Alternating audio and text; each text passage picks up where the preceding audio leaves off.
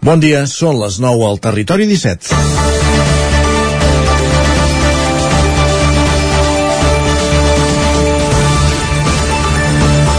Els Mossos d'Esquadra fan aquest dimarts al matí una actuació policial contra el tràfic de marihuana que inclou un escorcoll a les dependències de la policia local de Llinars del Vallès. És per la presumpta relació de membres del cos amb els fets, segons informa el periòdico de Catalunya. Segons ha pogut confirmar de fonts policials al 9-9 del Vallès Oriental, hi ha quatre policies arrestats en relació amb els fets investigats. De, des de les 5 del matí s'estan fent entrades i registres en naus i habitatges a banda de les dependències de la policia local i no només a Llinars, també a Barcelona. En concret, els escorcolls es fan al polígon Can Prat. Al desembre de 2019, un policia local va quedar ferit en un tiroteig on un home en va matar un altre a trets, suposadament un confident de l'agent municipal. Va ser l'entorn de l'àrea de servei de l'AP7. Seguirem l'evolució d'aquest operatiu durant el programa d'avui, que comença ara la sintonia de la veu de Sant Joan, Ràdio Cardedeu, Ona Codinenca, Ràdio Vic, el 9 FM i el 9 TV. Territori 17, amb Isaac Moreno i Jordi Sunyer.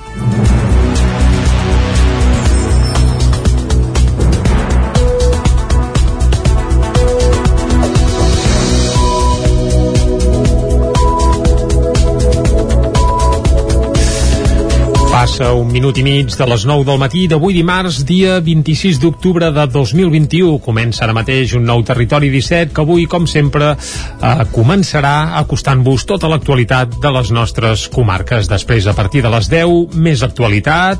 Avui tindrem Economia amb en Joan Carles Arredondo, perquè és dimarts, i Isaac ens parlarà de què avui. Avui farem un exercici d'aquells de Barri Sèsam.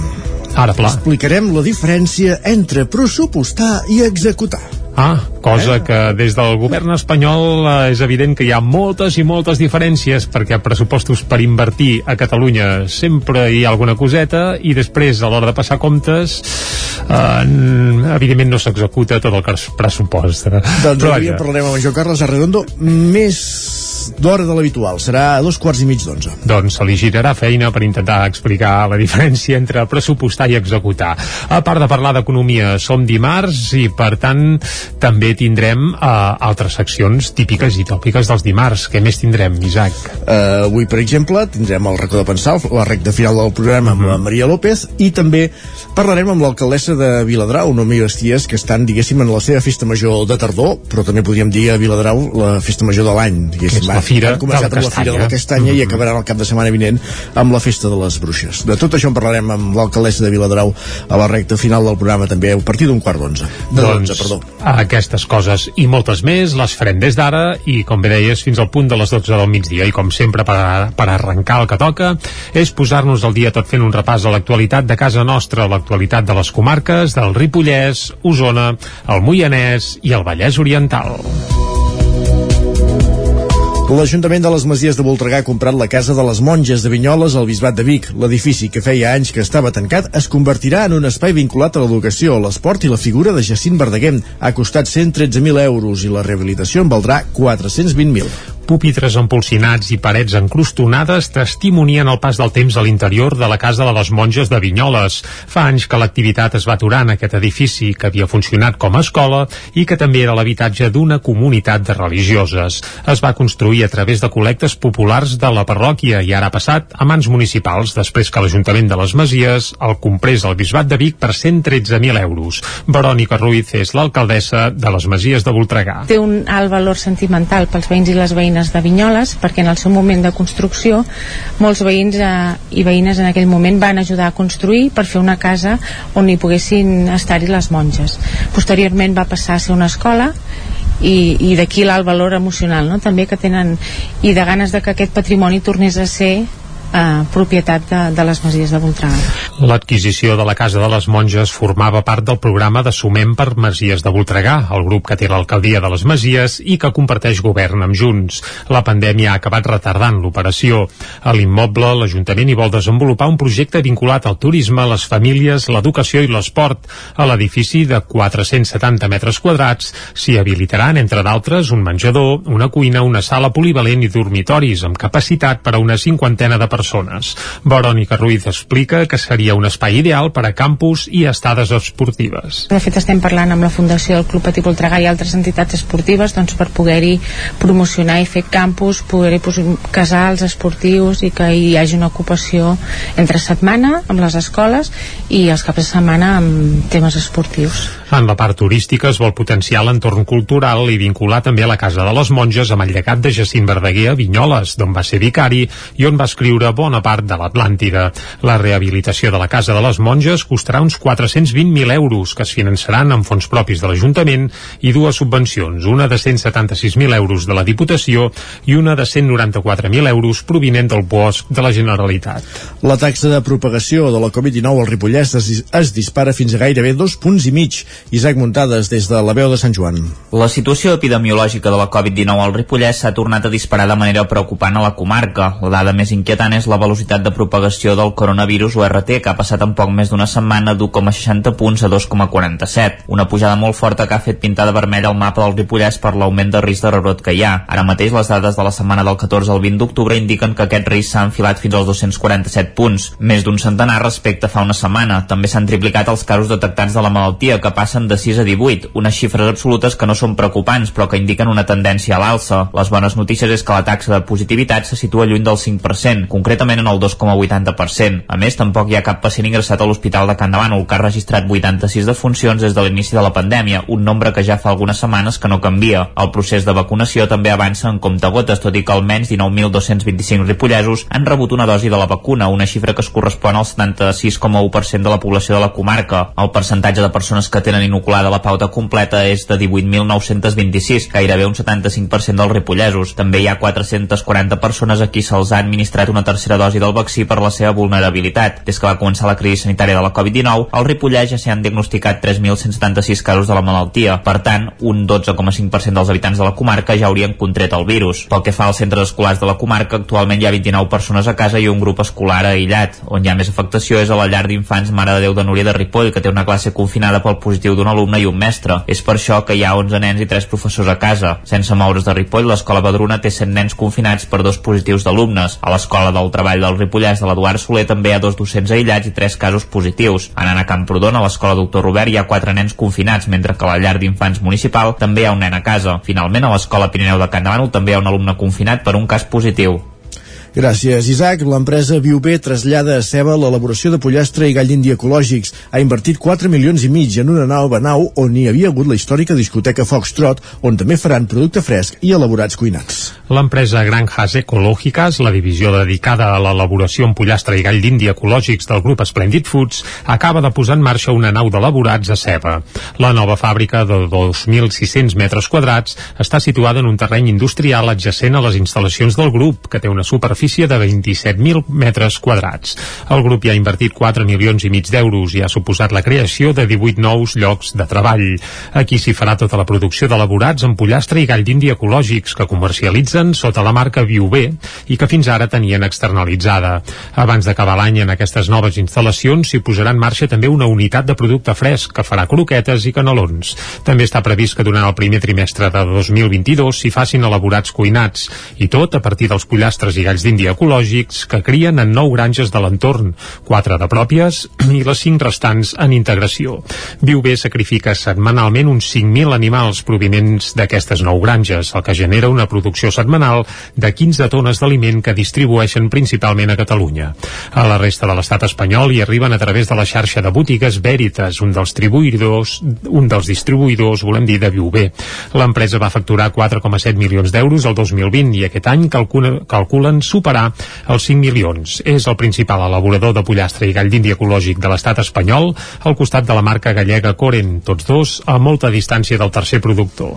Els lectors del 9-9, de l'edició verda, la del Vallès Oriental, han escollit a Lluís Vilalta i Jordi Franquesa com a ballesans de l'any 2020, Caral Campàs, des d'Ona Codinenca. Els codinencs Vilalta i Franquesa han rebut el guardó a Ballesà de l'any 2020 en representació de l'equip del repte solidari On Codines Trail. Tot i els impediments, aquest equip format per una trentena de persones, ha aconseguit dur a terme la primera edició d'aquest repte solidari, un homenatge a Glòria Atarés, amiga i companya de curses que va morir de càncer.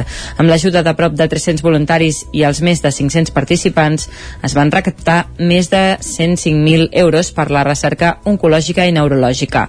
El guardó va ser recollit per Jordi Franquesa aquest divendres a l'Ateneu l'Aliança de Lliçà d'Amunt. Sentim-lo. De la primera sortida a la darrera van passar 14 hores i 37 minuts d'equips, seguint les més de 21.000 cintes repartides per tot el Vallès. El participant de més edat, que eren dos, en tenien 72 i l'en més jove en tenia 19, 53 anys de marge per marcar el, el repte apte per totes les edats. En total, els equips van recórrer 19.607 quilòmetres, que en línia recta ens permetrien arribar fins a Christchurch, Nova Zelanda. Però, sens dubte, de les dades que estem més orgullosos són de les solidàries. Vam rebre més de 800 donacions i vam aconseguir recollir 105.375 euros. Gràcies també durant l'acte es va reconèixer la tasca dels altres dos finalistes, Pep Nogueres, president fins aquest any de l'entitat Amics del Xiprer, i les tres caps d'infermeria dels hospitals de Granollers, Mollet i Sant Celoni. Tots ells amb un paper molt destacat durant la pandèmia de la Covid-19. On Codinès Trail ha sigut un exemple de perseverança aconseguint organitzar aquest repte saltant-se totes les pedres que han anat sorgint pel camí des de l'inici de la pandèmia, a pocs dies de celebrar-se la primera edició del repte. A estan encarant la segona edició que es durà a terme el 2 d'abril de 2022. Més qüestions solidàries. Osona Famílies fa una crida perquè les baldufes solidàries que posen a la venda per col·laborar amb la Marató de TV3 s'esgotin.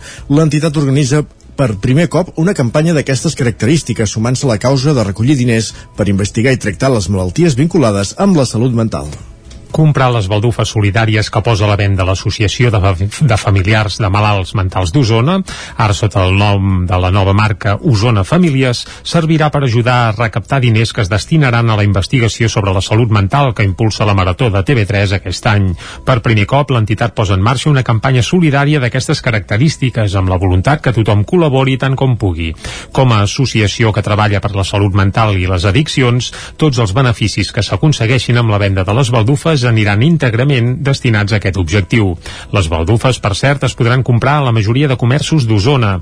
També es podrà contactar amb Osona Famílies per correu electrònic o telèfon per fer la comanda pertinent. Judit Castany és la coordinadora i la psicòloga d'Osona Famílies. Nosaltres creiem que la salut mental és un, els problemes de salut mental són un problema molt important que s'ha de recordar molts diners per poder investigar i per poder fer molts tractaments nous. Llavors el que nosaltres pensem és que qualsevol aportació serà beneficiària per poder col·laborar amb aquesta causa. La salut mental jo crec que s'ha tingut en compte sempre perquè és una malaltia eh, que mm, afecta a molta gent. Llavors eh, es diu que al llarg de la vida una de cada quatre persones patirà una malaltia mental. Per tant, independentment de la pandèmia o no la salut mental és un tema que s'ha de tractar i per tant ha estat sempre important i continuarà sent-ho. Osona Famílies també vol continuar donant-se a conèixer en un moment especialment sensible pels efectes sobre la salut mental arran de la pandèmia de la Covid-19. Actualment l'associació compta amb prop de 200 socis i una quinzena de voluntaris. Viladrau va recuperar aquest cap de setmana la Fira de la Castanya en la seva 26a edició i van participar una quarantena de parades de productors i artesans de proximitat. A banda de les activitats de la Fira, la nit del 30 d'octubre, Viladrau acollirà el 24 24è Vall de Bruixes. El foc i les castanyes van ser els protagonistes del cap de setmana a Viladrau, que després d'un any d'aturada obligada, aquest cap de setmana ha recuperat la Fira de la Castanya. En la seva 26, 26a edició, eh, ja ho direm bé, la Fira s'ha adaptat a les normatives vigents per la pandèmia i s'ha diferenciat en tres grans espais, el de la restauració, el de les activitats i espectacles i el de les parades de productors i artesans que hi van presentar productes elaborats i derivats de la castanya. Ho detalla Noemí Basties, alcalde l'alcaldessa de Viladrau. Normalment hi trobàvem unes, perquè ho limitem nosaltres, eh, perquè podríem tindre moltes més, però l'espai, el poble és el que hi ha, no? I llavors, els altres anys podíem trobar entre 70 o 80 parades i aquest any en tenim unes 40 i pico. Entre les parades no hi va faltar un dels clàssics de cada any, el Centre de Manipulació de la Castanya de Viladrau, una empresa del municipi dedicada a recuperar castanyers centenaris del Montseny que des de fa 13 anys porta els seus productes a la fira. Escoltem a Gemma Soler, del Centre de Manipulació de la Castanya Espanya. Sí que ho trobàvem a faltar, no? I el contacte amb la gent de dir, ostres, cada any us veiem aquí i ara ens tornem a veure i, i poder veure les persones de cara a cara és, bueno, és un regal, vull dir, poder compartir no, la festa de la Fira de Castanya, que és una festa doncs d'aquí, del, del territori i que fa, fa, bueno, fa, fa Viladrau alegria entre els firaires i també entre els passejants que celebraven la recuperació de la Fira de la Castanya. És molt important que totes les coses es vagin sí. reprenent, es vagi fan normalitat i, que, i sobretot aquestes coses que tenen eh, costums i que tenen cert caire cultural és molt important que es vagin reprenent. Molt bé, cada any sí, hi ha bastanta gent. Després del Covid, déu nhi la gent que hi ha. Aníem a fer una ruta de fet de fer, a buscar a collir castanya i ens hem trobat amb la fira i... Sí, que de fet no ho sabíem, que hi havia fira. Sí, no, i molt guai. Aquesta nova edició de la Fira es tancarà diumenge amb la 24a edició del popular Ball de Bruixes. En coneixerem més detalls avui a l'entrevista Territori 17 perquè comptarem amb l'alcaldessa de Viladrau, Noemí Basties. Com dèiem, serà a partir d'un quart de dotze. El cicle de concerts Jazz de Xoc de Cardedeu s'acaba amb un cap de setmana on s'ha maridat la música jazz amb xocolata de les pastisseries del poble. Uxue Soto, guanyadora de l'Objectiu Paqui, ha format part d'un dels concerts d'aquest cap de setmana. Núria Lázaro, de Ràdio Televisió de Cardedeu. Fantastic Four, una banda musical cardedeuenca que combina jazz amb altres gèneres com el funk, el rock i el soul, han posat punt i final a Jazz de Xoc, la proposta de maridar música jazz i xocolata a espais emblemàtics de Cardedeu. En aquesta ocasió, la Casa Corbella ha estat l'espai i la pastisseria Ricós l'encarregada d'ensucrar la jornada amb un pastís inspirat en el cantant James Brown. Roger Canals, organitzador del Jazz amb Xoc. Bueno, seria el que estaria més dins del que seria el funk i la música, música moderna. Jo em sembla que ells eh, és, fan una de música sense etiquetes, tot el que estaria una mieta dins aquest rang de l'R&B, eh, música moderna, eh, i fan altres incursions, però llavors també hi posen aquest element jazzístic de l'improvisació, vull dir que això també se'ls va demanar, i a més a més doncs, un component sorpresa, eh, avui, un component vocal sorpresa. El grup Fantastic Four va comptar amb la presència de l'Uxue Souto, guanyadora del talent show musical de Ràdio Televisió Cardedeu i el tercer finalista Joan Lianyo. Avui cantarem cançons així, són tots covers, però les hem arranjat una mica amb, amb la banda que no ens coneixíem realment, no havíem tocat mai junts. I llavors ha sigut com versionar-les una miqueta perquè tinguin més de rotllo, un plan diferent. Amb la idea aquesta portarem uns 3 mesos i jo crec que assajos farà cosa d'un mes i mig, dos mesos que hem començat i bueno, ella i jo ens coneixíem d'Operació Paqui, el show televisiu llavors ha sigut tot molt fàcil perquè teníem feeling i ens coneixíem, amb la banda ens hem portat superbé. Jazz de Xoc va acabar diumenge amb l'últim concert a Vilapaquita però encara queden activitats per commemorar el 50 aniversari de Nits de Jazz a Cardedeu. Acabem aquí aquest repàs informatiu. Gràcies, Núria, que hem fet en companyia també d'Isaac Muntades, que era el campàs, i Jordi Sunyer. Anem pel temps. Moment, per tant, de saludar en Pep Acosta.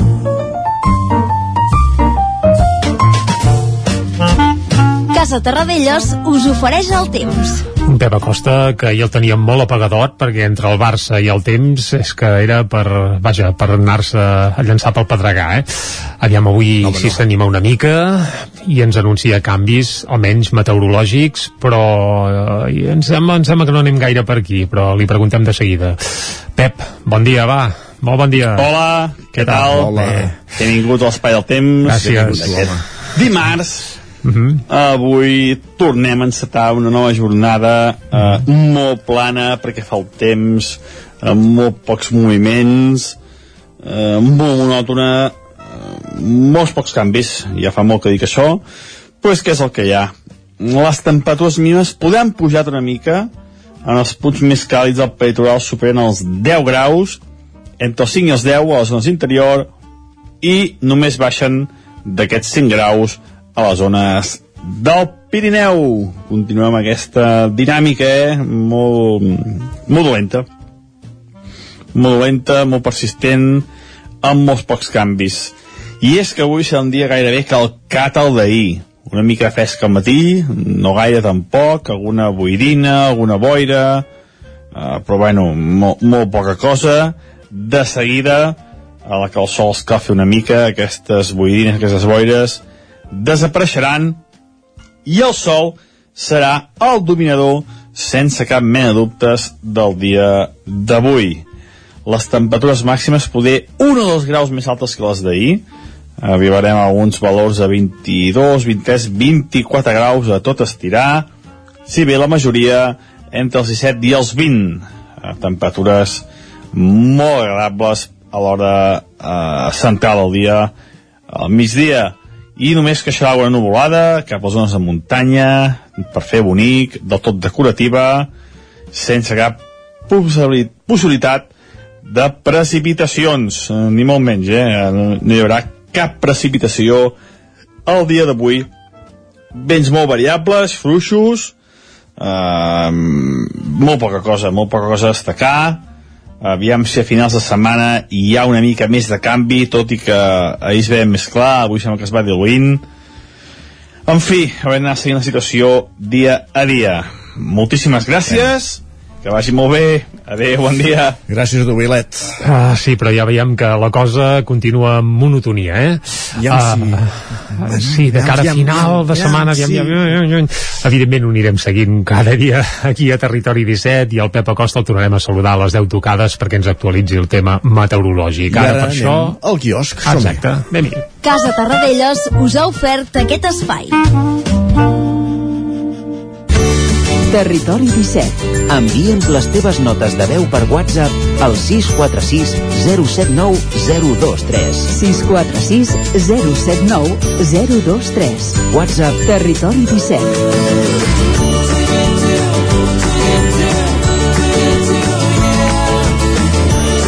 Territori 17. Som a Facebook, Twitter i Instagram amb l'usuari Territori 17.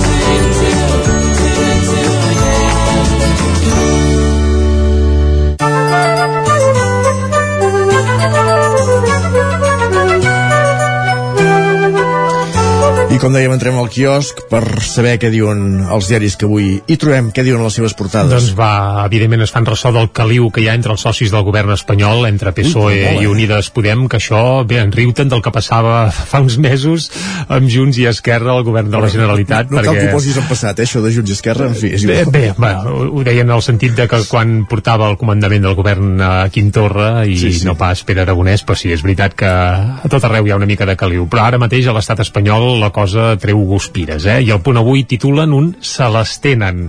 I evidentment fa referència a les desavinences internes tensen la coalició del govern espanyol. Podem exigeix la dimissió de Meritxell Batet i l'escó d'Alberto Rodríguez, que en teoria la Batet l'ha donat de baixa, l'escó de l'Alberto, i la reforma laboral agiten la discòrdia. Això subtitula el punt avui. També a Jaume Sens, que és el portaveu d'Unides Podem, eh, diu, eh, obrint cometes, Marchena s'hauria de presentar a les eleccions. Ja deixa ben clar eh, qui és que mana ara mateix el govern espanyol. És a dir, com que l'exèrcit ja, diguem que hauria caducat per arreglar les coses quan van mal dades, som al segle XXI i som a Europa, doncs ara ho fa la judicatura. Mira. Va, la fotografia és per un, eh, bé, anava a dir un jove, un jove de més de 70 anys, eh, això sí, i el títol és amb una vacuna a cada braç, i és que ahir va començar la doble vacunació, és a dir, la de la grip i la tercera dosi de la Covid per a majors de 70 anys. També relacionat amb la Covid, eh, resulta que el govern retornarà uns 4 milions d'euros en multes del primer estat d'alarma.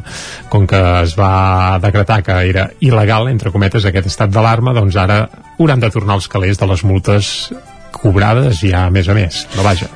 Déu-n'hi-do, va, anem cap a l'ara. La Fiscalia rebutja investigar el govern per l'aval de l'Institut Català de Finances. Demana al Tribunal Superior de Justícia de Catalunya que inadmeti les querelles i denúncies que veu apressades i irreflexives.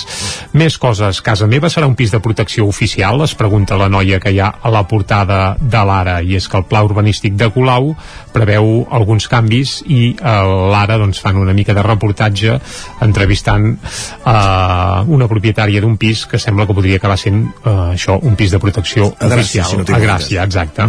I també expliquen que comença la doble vacunació a la gent gran, grip en un braç i tercera dosi del Covid a l'altre. Això també apareix a la portada de l'Ara. Anem ara cap a el periòdico que titula El govern alleugerà avui la destralada a les elèctriques. Destralada ho posa entre cometes, eh, però vaja. I la foto també per les vacunes de dues en dues. Titulen el periòdico fent referència que ahir va començar la vacunació tant de la grip com la tercera dosi per majors de 70 anys. Anem a l'avantguàrdia. El titular principal és pel Banc d'Espanya, que diu defensa la reforma laboral del 2012, no la que hi ha prevista pel 2021 o 22, sinó la del 2012, per sortir de la crisi. També Salut prepara el passi Covid per bars, cultura i gimnasos. I a més a més també apareix a la portada que el govern aprova avui el decret que limita la implantació de renovables. Això apareix a la, a la portada de La Vanguardia. Anem cap a les portades que s'editen des de Madrid i comencem, si et sembla, pel país que titulen PSOE i Podemos tenquen sense acord la reunió sobre la reforma laboral. Els dos socis mantenen les seves diferències però seguiran negociant.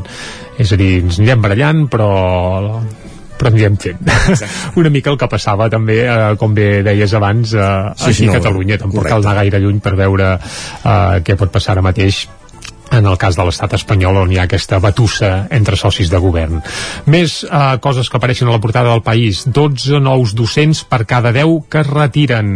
El govern intenta rejuvenir les plantilles a les universitats. Això apareix eh, a la portada del país, on també hi ha un raconet per explicar que hi ha un rècord dels gasos d'efecte invernacle, eh, tot i l'aturada per la pandèmia. És a dir, que ara mateix estem en rècord mundial sí, sí. d'emissió de no gasos. Sorprèn.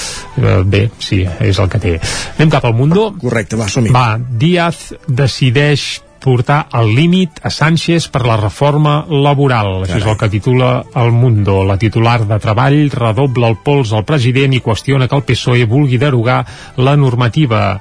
Pedro Sánchez dona suport a Calviño i afirma que pactarà la nova llei amb uh, la COE. Això és el que diu Pedro Sánchez. També el Banc d'Espanya i desmunta les comptes de l'executiu, és a dir, que ja preveu que el creixement de l'estat espanyol no serà el que hi havia va, el que havia previst eh, fa uns quants mesos l'Estat.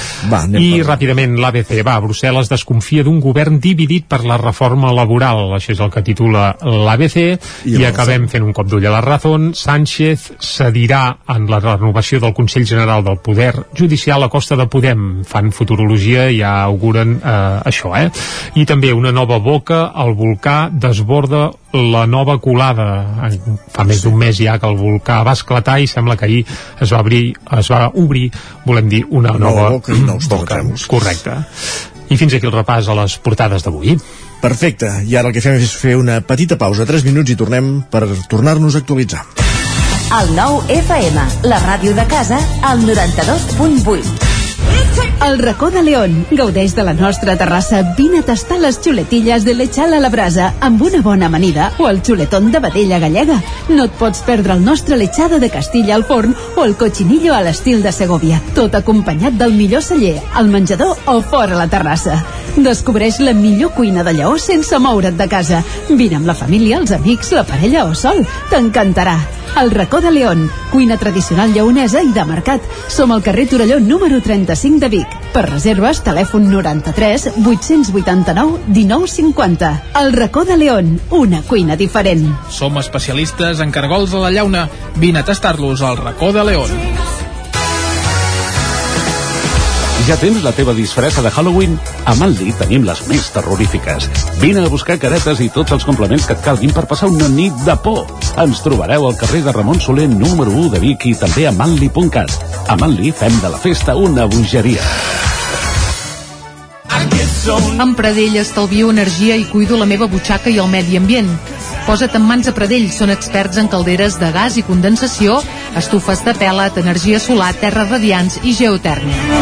Pradell instal·la calderes de biomassa per a particulars i per a empreses. Si vols estalviar un 50% en consum, contacta amb Pradell i passa't a les energies renovables. Pradell som a l'Avinguda Països Catalans 27 de Vic. Telèfon 93 885 1197. Pradell.cat. Això és el que s'escolta al voltant d'una caldera saunia d'Oval tranquil·litat i benestar, perquè gaudeix del millor manteniment del servei tècnic oficial per estar despreocupat. O el que vulgui. Informis a Oficiat Nord trucant al 938860040. Saunia Duval, sempre al seu costat. La ràdio de casa al 92.8. El 9 FM. Cocodril Club. Si t'agrada la bona música dels anys 60, 70 i 80, escolta el 9 FM els matins de dissabtes i diumenges d'11 a 1.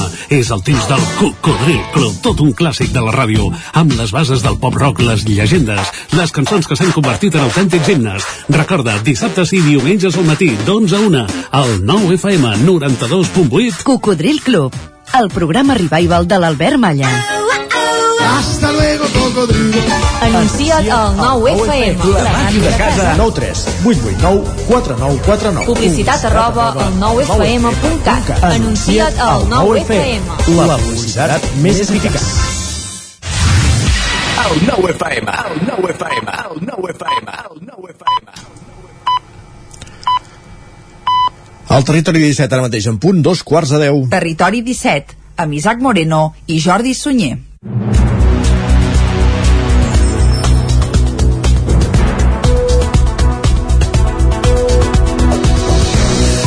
I a dos quarts de 10 en punt d'avui dimarts, dia 26 d'octubre de 2021, el que toca és acostar-vos de nou tota l'actualitat de les nostres comarques, però ja us avancem una mica per on aniran els trets del programa que farem i que fem cada dia fins a les 12 del migdia.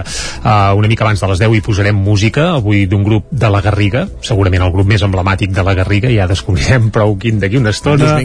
Nya, els hereus de Dos Minguet, La va. Vinga, va, sí, però explicarem per què, hi ha una excusa. Molt bé. I és per celebrar-ho. Per tant, alegria que és festa major. Uh, més coses. Actualitzarem, evidentment, el butlletí informatiu a les 10. Després, avui, excepcionalment, canviarem l'ordre i conversarem amb el Joan Carles Arredondo sobre economia. Avui, Isaac... A dos quarts i mig, i avui parlant, com Mhm. dèiem, de perdó, de, de... Sí, no, parlarem de la descompensació entre pressupostos i i execucions. pressupostàries, No, que en el cas, en el cas espanyol no és ben bé el mateix. No, i estava pensant en la taula de redacció, que com deies la farem a un quart d'onze i intentarem parlar d'aquesta última hora des de Llinars del Vallès amb aquest operatiu policial dels Mossos d'Esquadra contra el tràfic de marihuana i que on hi ha almenys quatre agents de la policia local de Llinars detinguts. Doncs procurarem esclarir aquests fets i ho farem a més a més eh, des del territori, des de Llinars mateix. Uh, més coses que farem avui, atenció, perquè també recuperarem una secció habitual ja del territori 17 de la temporada anterior i és que ens acompanyaran els amics del Museu del Ter, del... Del- del- de, de, de escrita, Manlleu, correcte, sí, del Centre d'Estudis dels Rius Mediterranis, ja ho direm bé, que aquest cap de setmana van fer una analítica del riu Ter per conèixer quin és ara mateix l'estat de salut del riu i tenint en compte que baixa poca aigua perquè hi ha sequera, doncs sabrem com tenim ara mateix els nostres rius. Segurament eh, posarem al punt la lupa específica com tenim l'estat del riu Ter, que és el riu més important que passa pel nostre territori. També som dimarts, vol dir que anirem al racó de pensar, oi que sí, Isaac? Correcte, amb la Maria López. I, com sempre, també passarem per la R3, hi haurà piulades i les seccions habituals de cada dia aquí al Territori 17. Ara, però, el que toca és acostar-vos de nou l'actualitat de casa nostra, l'actualitat de les comarques del Ripollès, Osona, el Moianès i el Vallès Oriental.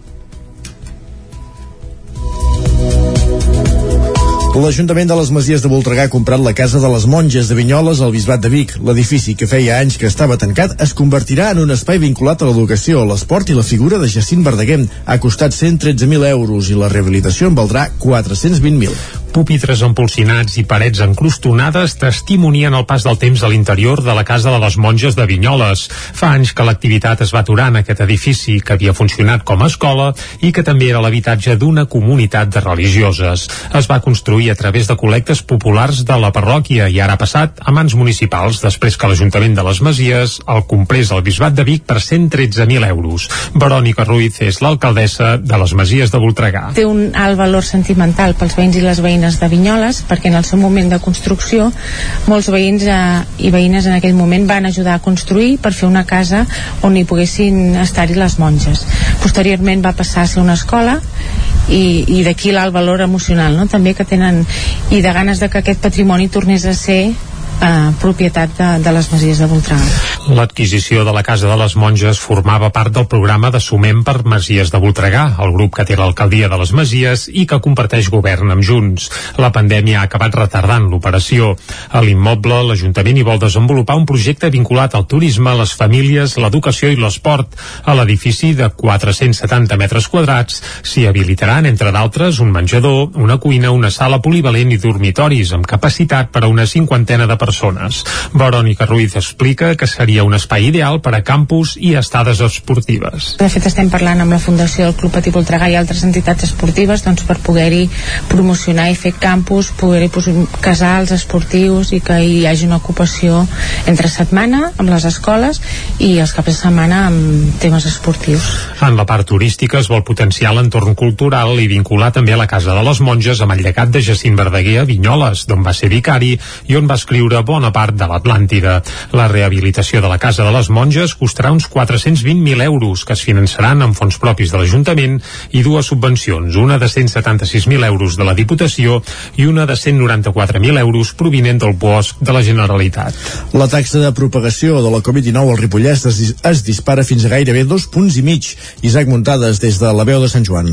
La situació epidemiològica de la Covid-19 al Ripollès s'ha tornat a disparar de manera preocupant a la comarca. La dada més inquietant és la velocitat de propagació del coronavirus o RT, que ha passat en poc més d'una setmana d'1,60 punts a 2,47. Una pujada molt forta que ha fet pintar de vermell el mapa del Ripollès per l'augment de risc de rebrot que hi ha. Ara mateix les dades de la setmana del 14 al 20 d'octubre indiquen que aquest risc s'ha enfilat fins als 247 punts, més d'un centenar respecte a fa una setmana. També s'han triplicat els casos detectats de la malaltia, que passen de 6 a 18, unes xifres absolutes que no són preocupants, però que indiquen una tendència a l'alça. Les bones notícies és que la taxa de positivitat se situa lluny del 5%, concretament en el 2,80%. A més, tampoc hi ha cap pacient ingressat a l'Hospital de Can Davant, que ha registrat 86 defuncions des de l'inici de la pandèmia, un nombre que ja fa algunes setmanes que no canvia. El procés de vacunació també avança en comptagotes, tot i que almenys 19.225 ripollesos han rebut una dosi de la vacuna, una xifra que es correspon al 76,1% de la població de la comarca. El percentatge de persones que tenen inoculada la pauta completa és de 18.926, gairebé un 75% dels ripollesos. També hi ha 440 persones a qui se'ls ha administrat una tercera dosi del vaccí per la seva vulnerabilitat. Des que va començar la crisi sanitària de la Covid-19, al Ripollès ja s'hi han diagnosticat 3.176 casos de la malaltia. Per tant, un 12,5% dels habitants de la comarca ja haurien contret el virus. Pel que fa als centres escolars de la comarca, actualment hi ha 29 persones a casa i un grup escolar aïllat. On hi ha més afectació és a la llar d'infants Mare de Déu de Núria de Ripoll, que té una classe confinada pel positiu d'un alumne i un mestre. És per això que hi ha 11 nens i 3 professors a casa. Sense moure's de Ripoll, l'escola Badruna té 100 nens confinats per dos positius d'alumnes. A l'escola del treball del Ripollès de l'Eduard Soler també hi ha dos docents aïllats i tres casos positius. Anant a Camprodon, a l'escola Doctor Robert, hi ha quatre nens confinats, mentre que a la llar d'infants municipal també hi ha un nen a casa. Finalment, a l'escola Pirineu de Can Davant també hi ha un alumne confinat per un cas positiu.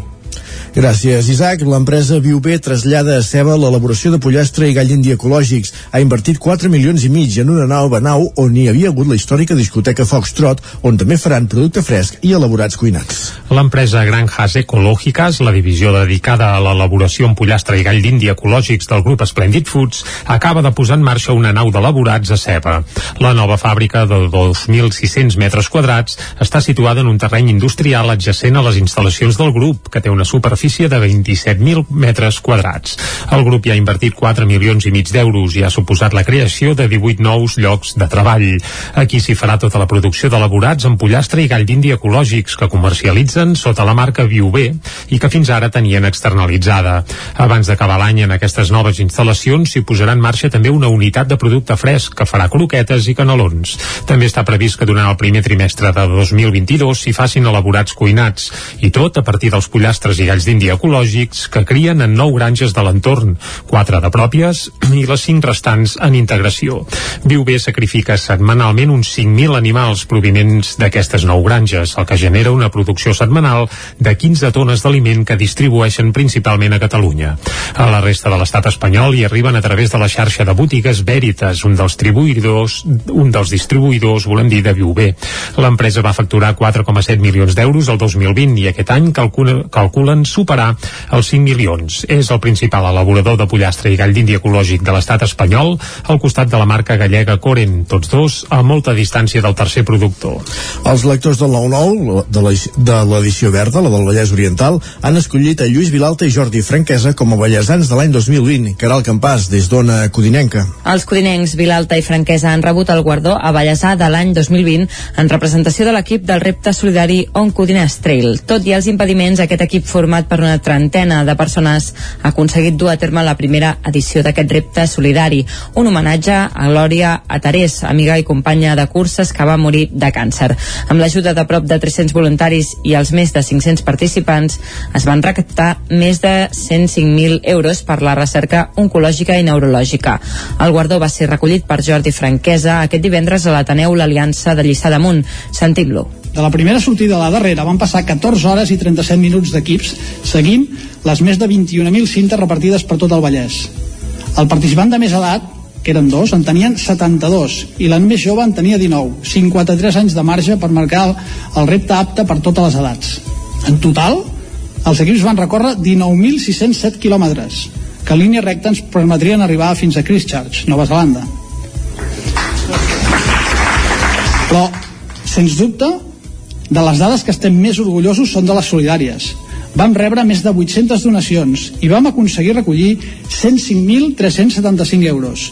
Gràcies també durant l'acte es va reconèixer la tasca dels altres dos finalistes, Pep Nogueres, president fins aquest any de l'entitat Amics del Xiprer, i les tres caps d'infermeria dels hospitals de Granollers, Mollet i Sant Celoni. Tots ells amb un paper molt destacat durant la pandèmia de la Covid-19. On Codinès Trail ha sigut un exemple de perseverança aconseguint organitzar aquest repte saltant-se totes les pedres que han anat sorgint pel camí des de l'inici de la pandèmia, a pocs dies de celebrar-se la primera edició del repte. Ara ja estan encarant la segona edició que es durà a terme el 2 d'abril de 2022. Més qüestions solidàries. Osona Famílies fa una crida perquè les baldufes solidàries que posen a la venda per col·laborar amb la Marató de TV3 s'esgotin. L'entitat organitza per primer cop una campanya d'aquestes característiques sumant-se a la causa de recollir diners per investigar i tractar les malalties vinculades amb la salut mental comprar les baldufes solidàries que posa a la venda l'Associació de, de Familiars de Malalts Mentals d'Osona, ara sota el nom de la nova marca Osona Famílies, servirà per ajudar a recaptar diners que es destinaran a la investigació sobre la salut mental que impulsa la Marató de TV3 aquest any. Per primer cop, l'entitat posa en marxa una campanya solidària d'aquestes característiques amb la voluntat que tothom col·labori tant com pugui.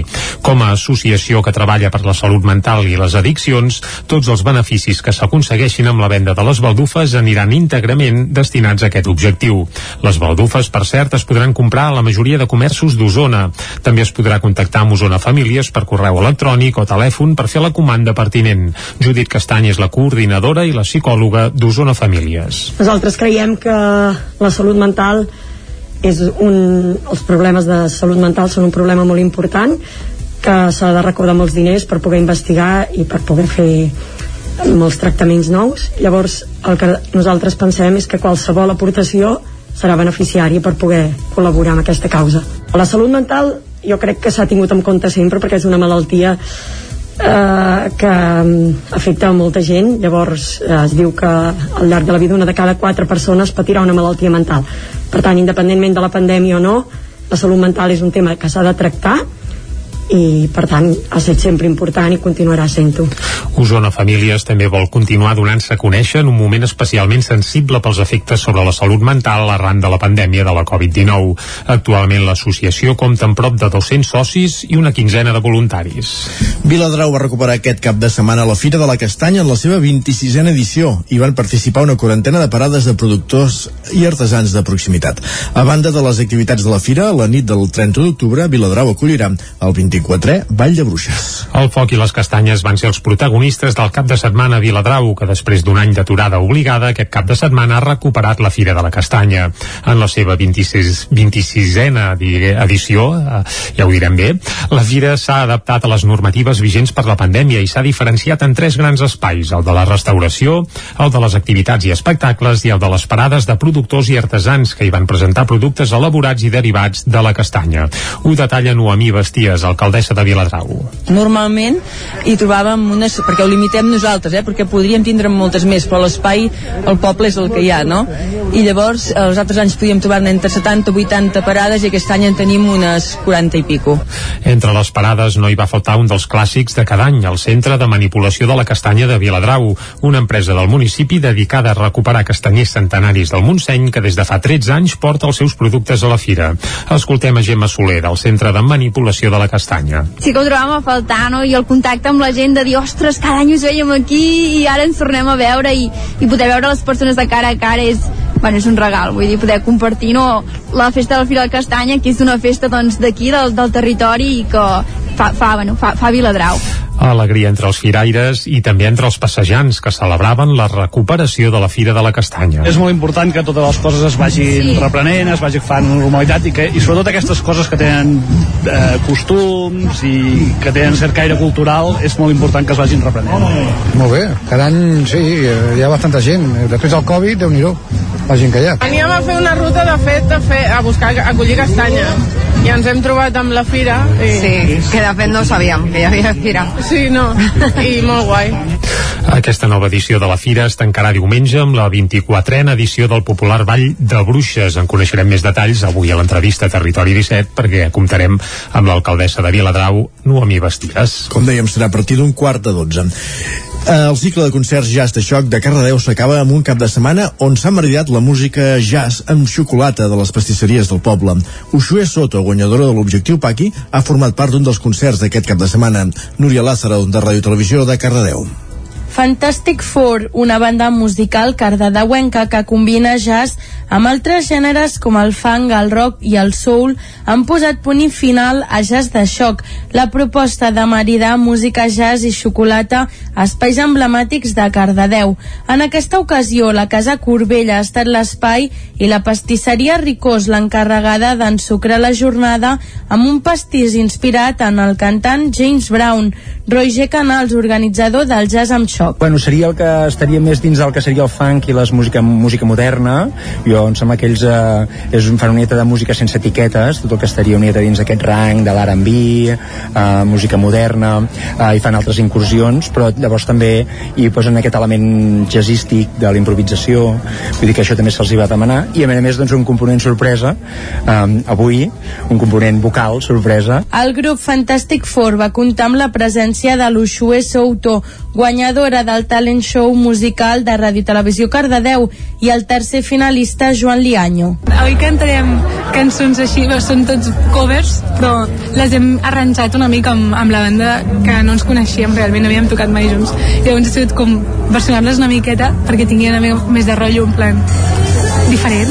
Amb la idea aquesta portarem uns 3 mesos i jo crec que assajos farà cosa d'un mes i mig, dos mesos que hem començat i bueno, ella i jo ens coneixíem d'Operació Paqui, el show televisiu llavors ha sigut tot molt fàcil perquè teníem feeling i ens coneixíem, amb la banda ens hem portat superbé. Jazz de Xoc va acabar diumenge amb l'últim concert a Vilapaquita, però encara queden activitats per commemorar el 50 aniversari de Nits de Jazz a Cardedeu. Acabem aquí aquest repàs informatiu. Gràcies, Núria, que hem fet en companyia també d'Isaac Muntades, que era el Campàs, i Jordi Sunyer. Anem pel temps. Moment, per tant, de saludar en Pep Acosta.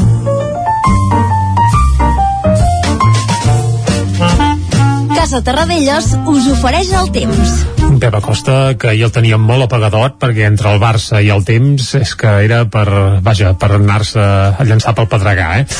Aviam avui Home, si no. s'anima una mica i ens anuncia canvis, almenys meteorològics, però eh, ens, sembla, ens sembla que no anem gaire per aquí, però li preguntem de seguida. Pep, bon dia, va. Molt bon dia. Hola, què, tal? Hola. Benvingut a l'Espai del Temps. Gràcies.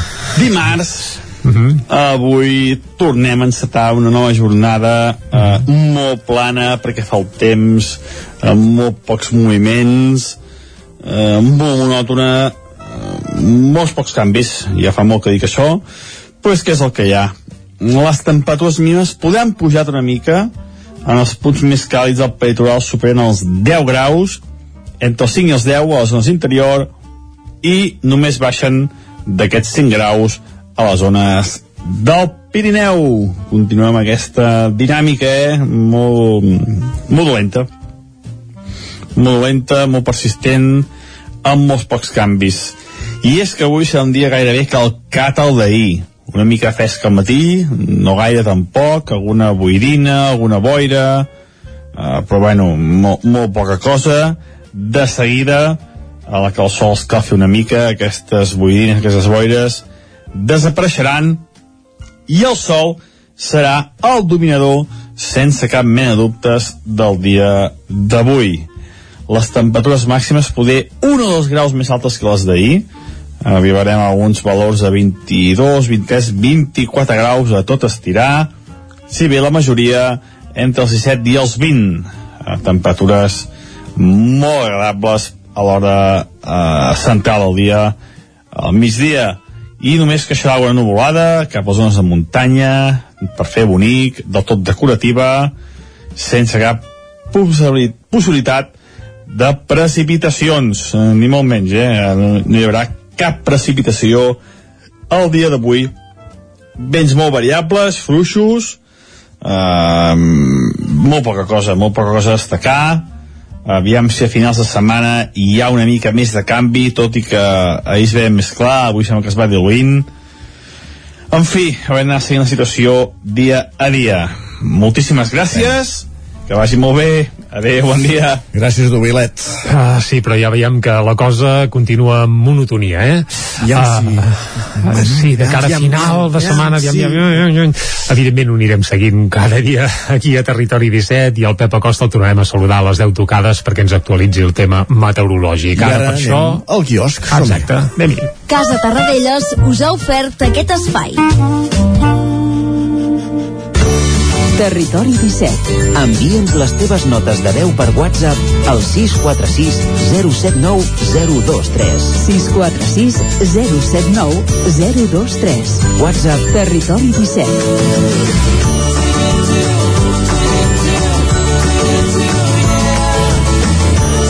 Territori 17.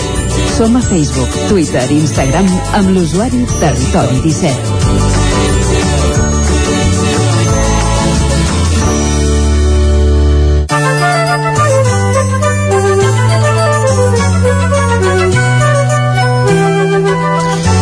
Com dèiem, entrem al quiosc per saber què diuen els diaris que avui hi trobem, què diuen les seves portades. Doncs va, evidentment es fan ressò del caliu que hi ha entre els socis del govern espanyol, entre PSOE uh, i Unides Podem, que això, bé, en riuten del que passava fa uns mesos amb Junts i Esquerra al govern de la Generalitat. No, no perquè... cal que ho posis en passat, eh, això de Junts i Esquerra, en fi, és. Bé, bé bé ho deien en el sentit de que quan portava el comandament del govern a Quim Torra i sí, sí. no pas Pere Aragonès, però sí, és veritat que a tot arreu hi ha una mica de caliu. Però ara mateix a l'estat espanyol la cosa cosa treu guspires, eh? I el punt avui titulen un se les tenen. I evidentment fa referència a les desavinences internes tensen la coalició del govern espanyol. Podem exigeix la dimissió de Meritxell Batet i l'escó d'Alberto Rodríguez, que en teoria la Batet l'ha donat de baixa, l'escó de l'Alberto, i la reforma laboral agiten la discòrdia. Això subtitula el punt avui. També a Jaume Sens, que és el portaveu d'Unides Podem, eh, diu, eh, obrint cometes, Marchena s'hauria de presentar a les eleccions. Ja deixa ben clar eh, qui és que mana ara mateix el govern espanyol. És a dir, com que l'exèrcit ja diguem que hauria caducat per arreglar les coses quan van malvades, som al segle XXI i som a Europa, doncs ara ho fa la judicatura. Mira, va, la fotografia és per un eh, bé, anava a dir un jove, un jove de més de 70 anys eh, això sí, i el títol és amb una vacuna a cada braç, i és que ahir va començar la doble vacunació, és a dir, la de la grip i la tercera dosi de la Covid per a majors de 70 anys. També també relacionat amb la Covid, eh, resulta que el govern retornarà uns 4 milions d'euros en multes del primer estat d'alarma. Com que es va decretar que era il·legal, entre cometes, aquest estat d'alarma, doncs ara hauran de tornar els calés de les multes cobrades ja a més a més, però vaja. déu nhi va, anem cap a l'ara. La Fiscalia rebutja investigar el govern per l'aval de l'Institut Català de Finances. Demana al Tribunal Superior de Justícia de Catalunya que inadmeti les querelles i denúncies que veu apressades i irreflexives. Més coses. Casa meva serà un pis de protecció oficial? Es pregunta la noia que hi ha a la portada de l'Ara. I és que el pla urbanístic de Colau preveu alguns canvis i a l'Ara doncs, fan una mica de reportatge entrevistant uh, una propietària d'un pis que sembla que podria acabar sent uh, això, un pis de protecció a Gràcia. Si no a Gràcia, exacte. I també expliquen que comença la doble vacunació a la gent gran, grip en un braç i tercera dosi del Covid a l'altre. Això també apareix a la portada de l'Ara. Anem ara cap a el periòdico que titula El govern alleugerà avui la destralada a les elèctriques. Destralada ho posa entre cometes, uh, però vaja. I la foto també per les vacunes de dues en dues. Titulen el periòdico fent referència que ahir va començar la vacunació tant de la grip com la tercera dosi per majors de 70 anys. Anem a l'avantguàrdia. El titular principal és pel Banc d'Espanya, que diu defensa la reforma laboral del 2012, no la que hi ha prevista pel 2021 o 22, sinó la del 2012, per sortir de la crisi. També Salut prepara el passi Covid per bars, cultura i gimnasos. I a més a més també apareix a la portada que el govern aprova avui el decret que limita la implantació de renovables. Això apareix a la, a la portada de La Vanguardia. Anem cap a les portades que s'editen des de Madrid i comencem, si et sembla, pel país que titulen PSOE i Podemos tenquen sense acord la reunió sobre la reforma laboral. Els dos socis mantenen les seves diferències però seguiran negociant.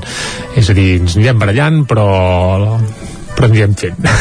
Una mica el que passava també, eh, com bé deies abans, eh, sí, aquí sí, no, a Catalunya. Tampoc cal anar gaire lluny per veure eh, què pot passar ara mateix en el cas de l'estat espanyol on hi ha aquesta batussa entre socis de govern.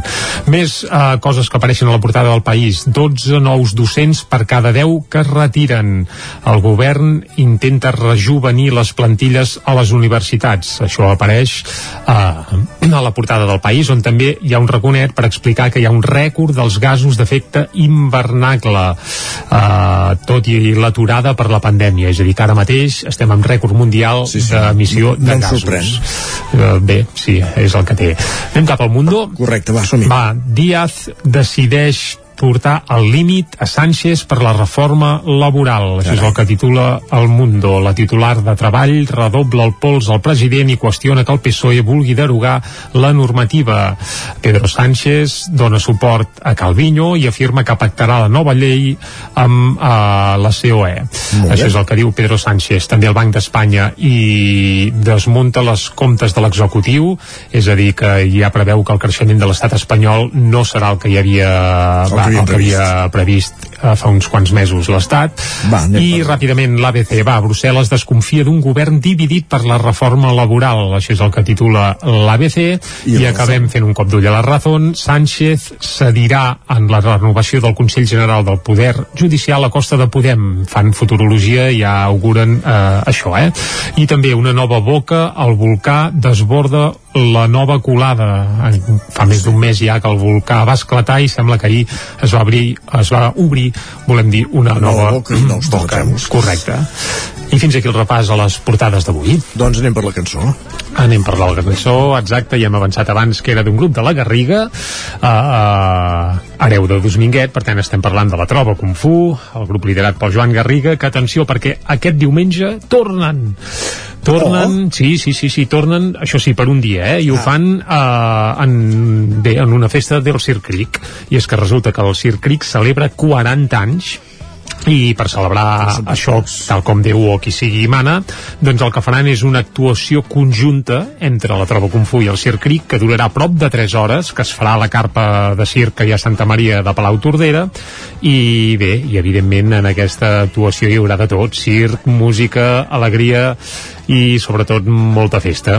El retorn de la Troba Fu serà per un dia, per això, eh? només aquest diumenge i només en el marc d'aquesta celebració dels 40 anys del Circ Cric del Tortell Poltrona. Des d'aquí, per tant, per molts anys al Circ Cric i, I posem-hi alegria i fem-ho, per exemple, en Petit Rumbero, una de les cançons que apareixia a la panxa del Bou, un dels discos de la Troba Fu, recordem, un grup que es va donar a conèixer l'any 2005 i que va plegar veles cap allà al 2015 aproximadament. Molt bé. Petit Rumbero, sí? Som-hi. Doncs va, amb això arribem fins a les 10. Salut. Que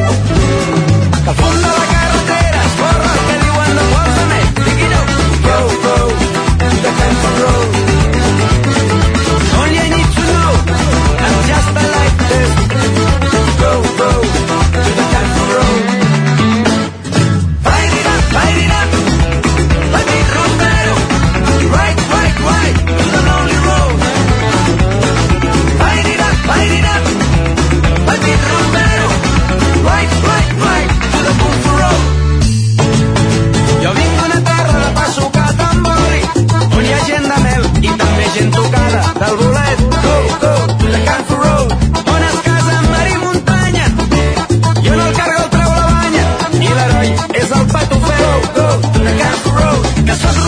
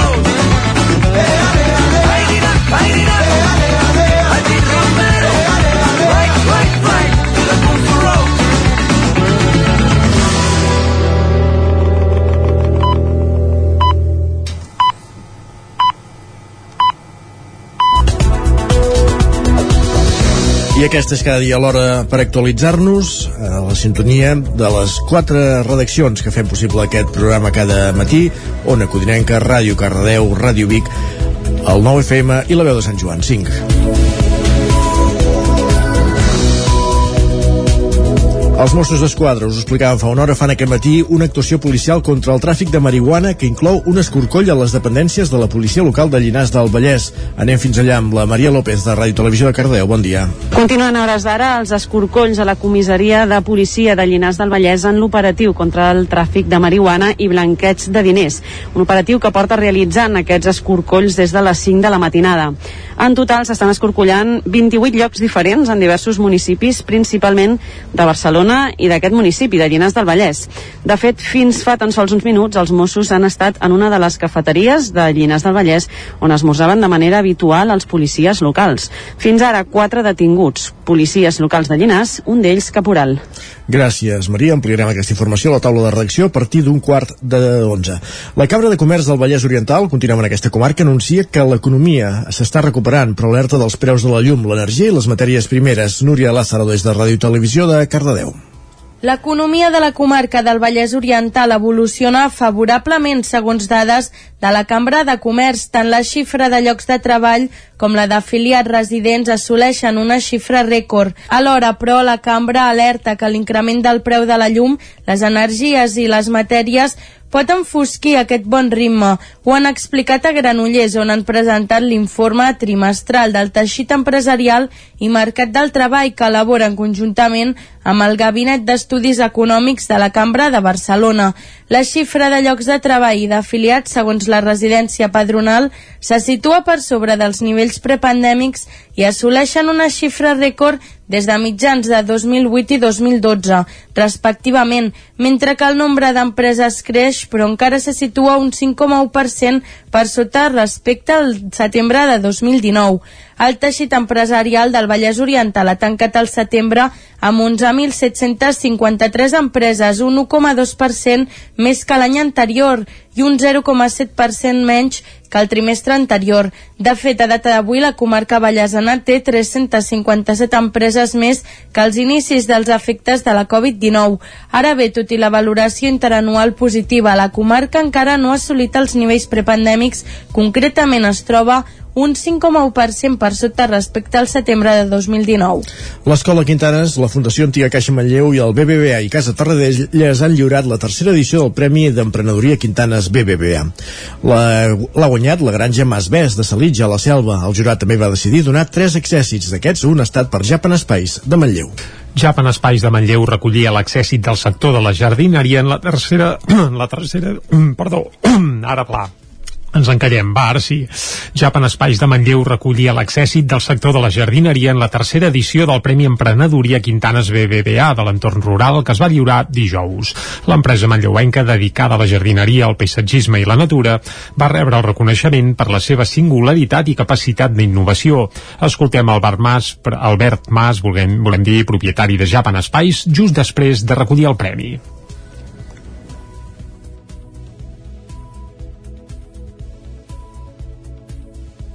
Per tot aquell grup d'allà dalt doncs que tot és possible, sóc exalumne de l'escola.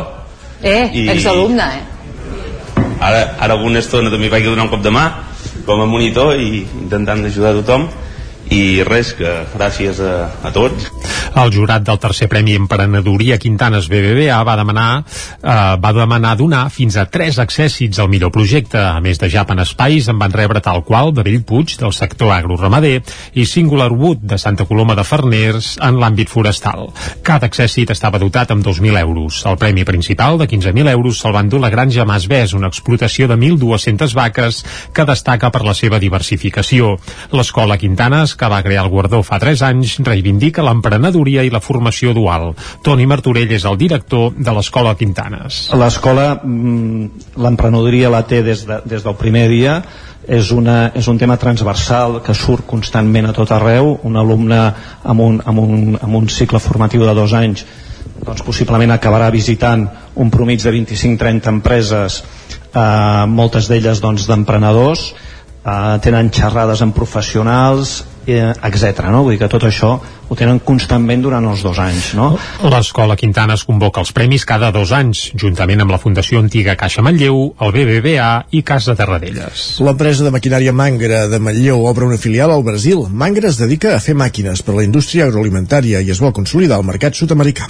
L'empresa manlleuenca Mangra, especialitzada en tecnologia, maquinària i instal·lacions per a la indústria d'alimentació animal, ha obert una filial al Brasil des d'on pretén incrementar les seves vendes en un 20% els pròxims 3 anys.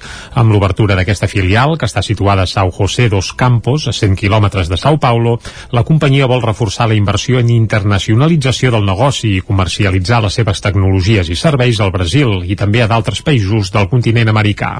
Per expandir-se al mercat brasiler, Mangra ha comptat amb el suport d'Acció, l'agència per a la competitivitat de l'empresa adscrita al Departament d'Empresa i Treball, a través de l'Oficina Exterior de Comerç i Inversions a Sao Paulo.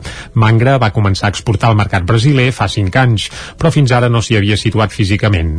L'empresa manlleuenca està especialitzada en equips i serveis per a la indústria agroalimentària i ofereix solucions per a la dosificació i control de líquids en el procés de fabricació de pinsos. També desenvolupa altres sistemes per realitzar barreges de menjar pel bestiar i mescles de fertilitzants sòlids i líquids. Mangra es va fundar l'any 1982 i actualment ven a una cinquantena de països diferents. A banda de la del Brasil, ja disposa de filials a Mèxic i a Polònia. Té una plantilla de 44 treballadors. El 2020 el va tancar amb una xifra de negoci de gairebé 10,8 milions d'euros, un 11,9% inferior a la mateixa dada del 2019. Sant Joan de les Abadesses ja té un mural de ceràmica que recorda el mil·lenari de l'expulsió de les Abadesses del monestir al 1017, perdó. Isaac Muntades des de la veu de Sant Joan.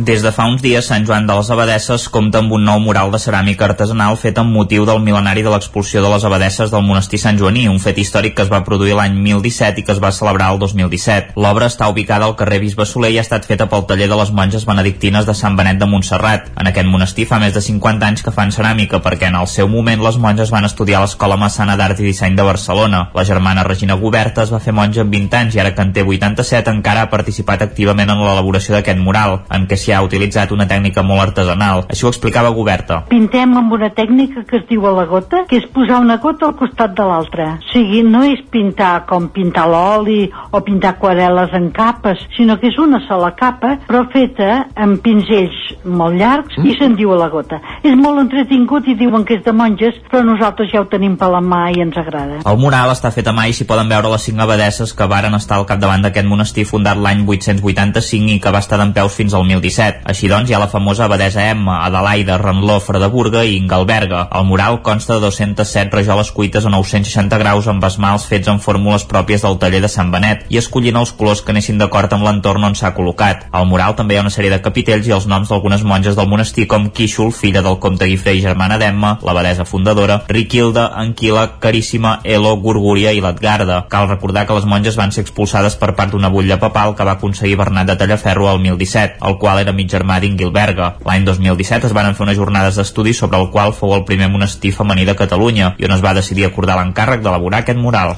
El Festival Protesta va tancar dissabte la seva novena edició. La sala petita de l'Atlàntida va acollir la cerimònia d'entrega de premis als curtmetratges que va recaure en Dissex i de Blue Bet, a les categories de millors produccions de no ficció i ficció, respectivament.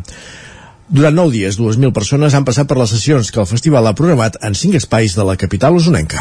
El premi a millor curtmetratge de ficció pel novè protesta va ser per The Blue Bed, un film de l'iranià Alireza Kazempur que planteja la sexualitat de persones discapacitades.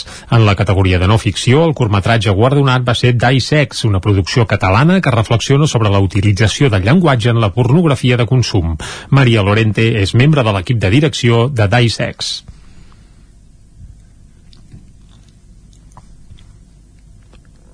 Bé, sembla que ara mateix no podem escoltar a Maria uh, Lorente. Seguim, el jurat també va fer un esment especial a la història de Todas Nosotras, de la cineasta basca Itxaso Díaz, que aborda la repressió que pateixen les dones del Salvador, on l'avortament és il·legal.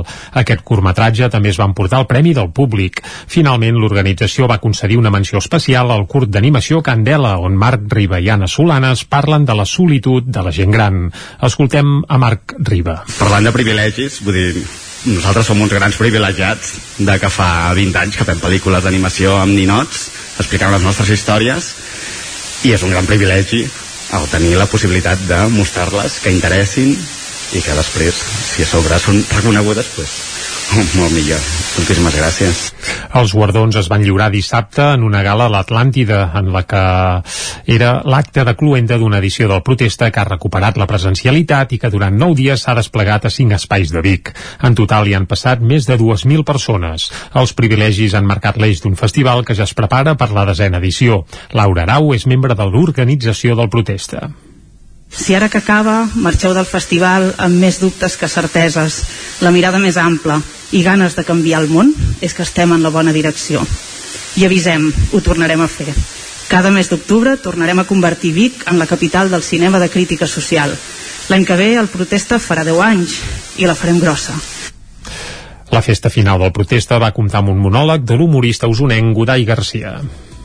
Els pobles del Moianès s'han convertit en el taló de fons de vuit curtmetratges. Leonardo de Armas, director de l'Escola Internacional de Cinema del Moianès, ha impulsat un projecte per divulgar la comarca. Caral Campàs, des d'Ona Codinenca.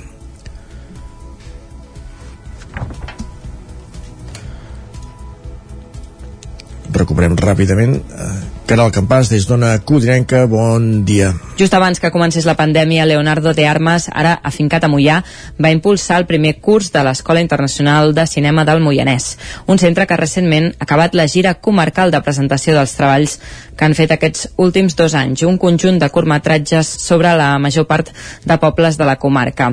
Tot i els entrebancs que suposa mantenir un centre educatiu en plena pandèmia, van aconseguir tirar endavant vuit audiovisuals d'uns 10 minuts cadascun.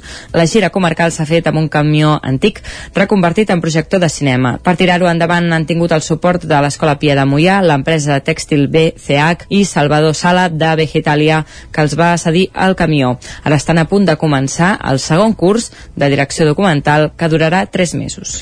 Gràcies, Caral, que ara sí aquest repàs informatiu anem per la previsió meteorològica.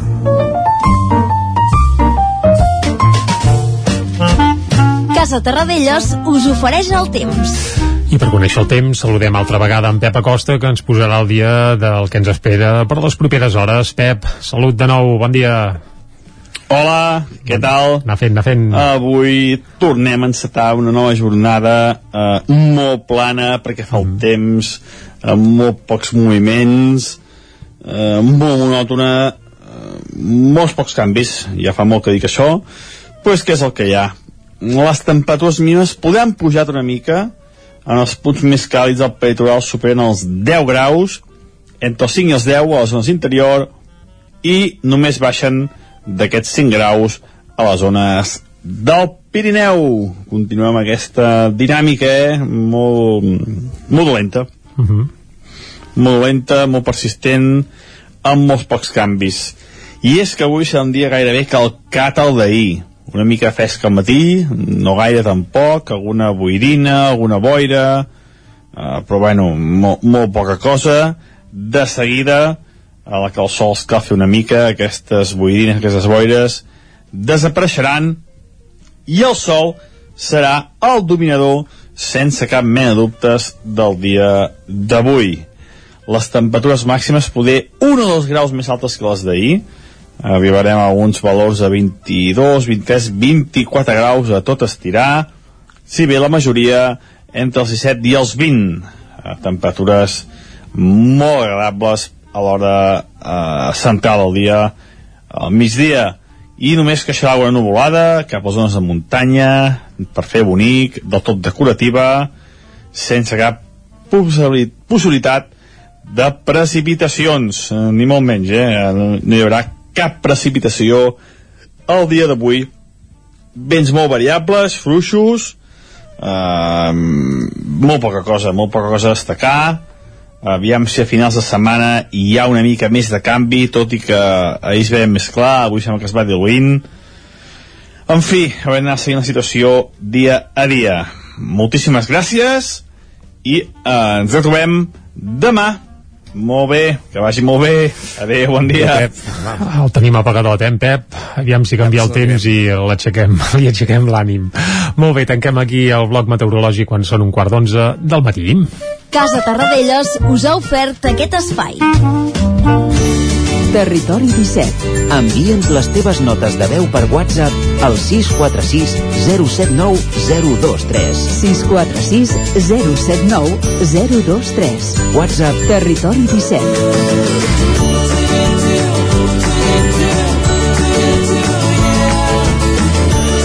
Territori 17. Som a Facebook, Twitter i Instagram amb l'usuari Territori 17.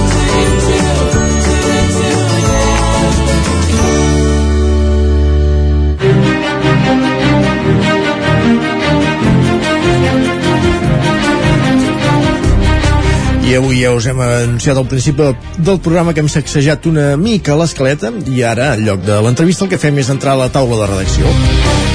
Avui a la taula de redacció amb la Maria López, amb qui, amb qui connectem en directe des de Llinars del Vallès, on hi ha des de les 5 de la matinada aquest operatiu obert dels Mossos d'Esquadra per desmantellar una organització presumptament dedicada al tràfic de marihuana i on hi hauria implicats quatre agents de la policia local de, de Llinars. Maria, bon dia. Hola, molt bon dia, Isaac. Que, que sou ara mateix a, a Llinars, entrem aquí davant de la comissaria de la policia local, què està passant, què ha passat? Explica'ns una mica, posa'ns en, en situació. Efectivament, doncs ara mateix estem just davant de la, de la comissaria policia de, de Llinars del Vallès. Des de les 5 del matí que han començat aquests escorcolls, en realitat 28 eh, llocs diferents han estat escorcollats des d'aquesta hora, eh, no només aquí a Llinars, sinó a diferents municipis, però principalment centrats en el que és la ciutat de, de Barcelona i aquí a Llinars. Aquí, d'alguna manera, un dels fets més eh, significatius ha estat que un dels llocs escorcollats és la comissaria de la policia local i és que a hores d'ara ja porten quatre eh, policies locals detinguts, un d'ells caporal. Eh, un altre dels llocs que ha estat eh, escorcollat fins ara ha estat una de les cafeteries on habitualment esmorzen aquests policies locals i sembla ser que un membre de, de l'equip de la cafeteria també ha estat detingut. Eh, ara mateix es mantenen aquests escorcolls. Han arribat aquestes quatre persones detingudes aquí a la mateixa comissaria eh, de la policia local i ha estat tot ple de Mossos d'Esquadra. Nosaltres estem aquí fora ara mateix esperant a veure si surten aquests detinguts amb les furgones de, dels Mossos d'Esquadra. Que est estan, per tant, eh, estan dins la, la, la mateixa comissaria, estan escorcollant, o, o si més no, estan fent diligències dins la, la mateixa comissaria, eh? Estan dins de la mateixa comissaria, que sapiguem s'han escorcollat diferents emplaçaments com eh, domicilis d'algunes d'aquestes persones o principalment aquesta cafeteria que us dèiem, no? que, que sembla ser que és un dels llocs on segurament s'ha gestionat part d'aquests blanqueig o suposats blanqueig eh, de capitals al voltant de, del tràfic de marihuana. Perfecte, doncs moltes gràcies Maria per acostar-nos a aquesta última hora des de, des de Llinars del Vallès. Com deies esteu aquí seguint la- l'evolució. Si hi ha alguna novetat ens, ens demanes pas a l'antena. Efectivament. Aquí estarem tot el matí, qualsevol cosa, de seguida comunicarem amb vosaltres. Perfecte, gràcies Maria, fins ara. Bon dia. Gràcies, bon dia. Doncs com sentia Jordi hi ha activitat a l'entorn de la comissaria de, de Llinars de, del Vallès. Correcte, de moment quatre detinguts en un escorcoll a la policia local de Llinars i tot plegat relacionat amb el tràfic de marihuana. quatre, quatre detinguts de la policia local n'hi ha més si no tenim mal entès Bé, exacte, cal, cal dir que l'operatiu encara està obert i encara hi ha detalls que procurarem anar esbrinant, però sí que tot plegat és uh, bé. I, I aquí hi ha un apunt, que, que és que ja hi havia, hagut, ja havia estat notícia, un agent de la policia local de, de Llinars del Vallès, eh, temps enrere, finals de, de l'any passat, si no tenim mal entès, que va haver-hi un tiroteig eh, a l'AP7, uh -huh. a Llinars mateix, va morir una persona que la, la persona era presumptament un confident de la policia i amb qui estava parlant eh, aquest agent de la policia que va resultar, resultar ferit no sabem si té relació amb aquells fets, però el cas és que avui hi ha hagut aquests escorcolls a, a Llinars del Vallès eh, i Barcelona en un, eh, en un operatiu dels Mossos d'Esquadra contra el tràfic il·legal de marihuana i com dèiem amb almenys quatre agents de la policia local de Llinars del Vallès detinguts. Cal dir que aquesta tarda l'Ajuntament de Llinars del Vallès farà una junta de portaveus eh, especial per informar a tots els grups municipals de quina és ara mateix la situació al municipi. Mm.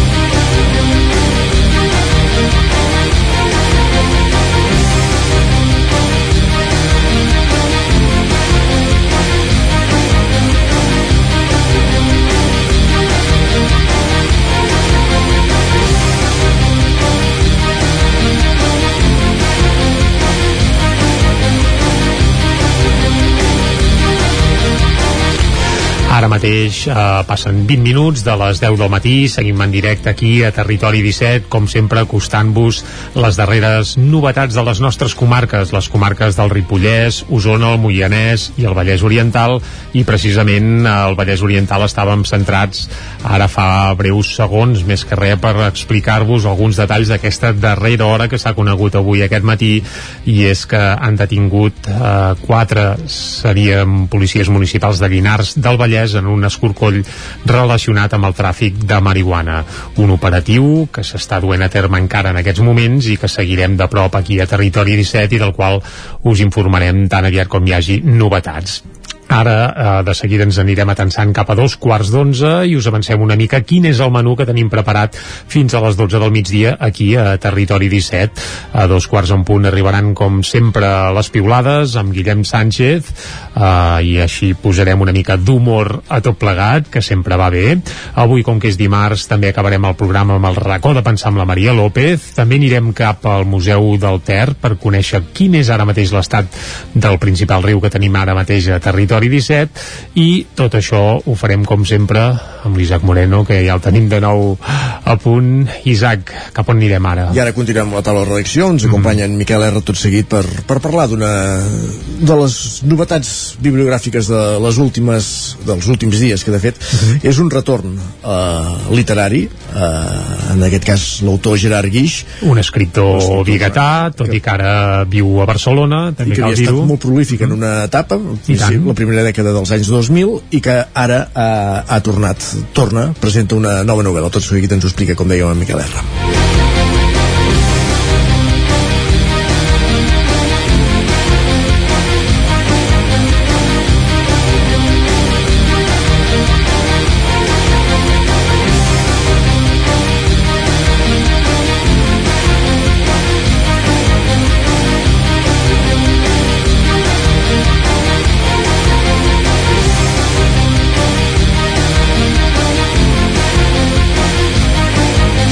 Doncs, com deia Miquel R, parlem d'aquesta nova novel·la, El retorn de Gerard Guija a, a la literatura. A la literatura, correcte, eh? Sempre l'hem tractat una mica amb aquesta doble vessant, no? Uh, com a autor d'obra de teatre, com a dramaturg uh mhm. -huh. i com a novel·lista. En aquest cas això torna amb una novel·la, la meva temporada a l'infern. Aquest és el títol, eh? Correcte. Uh mhm. -huh. Ens la presentava dijous passat aquí a Vic i seria com ell no ho ven ben bé com una segona part però sí que enllaça amb els, amb els protagonistes i amb alguns dels escenaris de...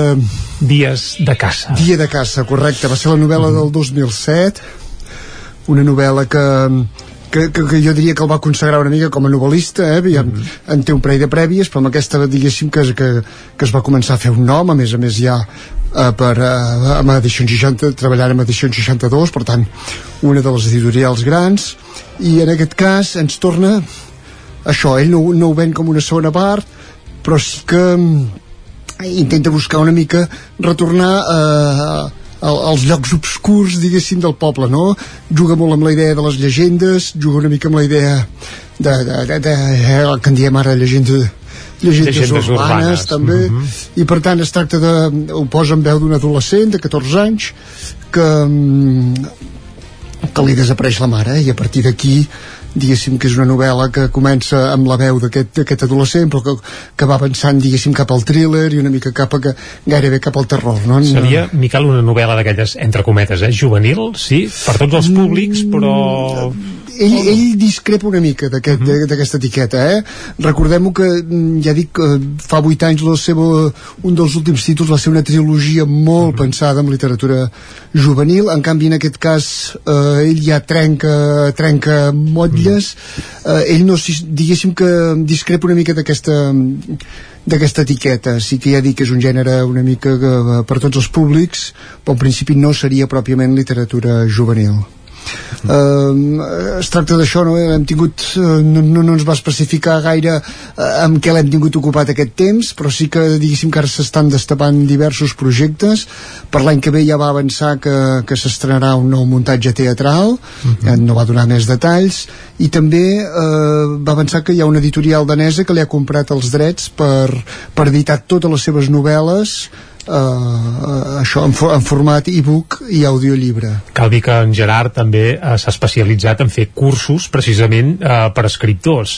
I a Barcelona doncs en fa uns quants. I precisament deies què ha fet aquests darrers anys? Doncs, doncs ja mira, una de les coses que, que ha estat fent i no puntualment sinó molt, eh, amb molta força i amb molta empenta doncs són aquests cursos per a literatura i per a escriptors tant a l'Ateneu de Barcelona com a d'altres indrets i s'ha especialitzat precisament en això, en fer cursos per a, per a escriptors Correcte, però semblava que allò que havia parat d'escriure doncs eh, sembla que finalment s'ha no, destapat. eh? Eh, es veu que ho va fer una mica suggerit, ell explicava com a anècdota que una de les eh, eh, directores editorials del, del grup 62, Pra- Patricia Campana, Mhm. se la va trobar en un acte just abans de la, de la pandèmia precisament, eh?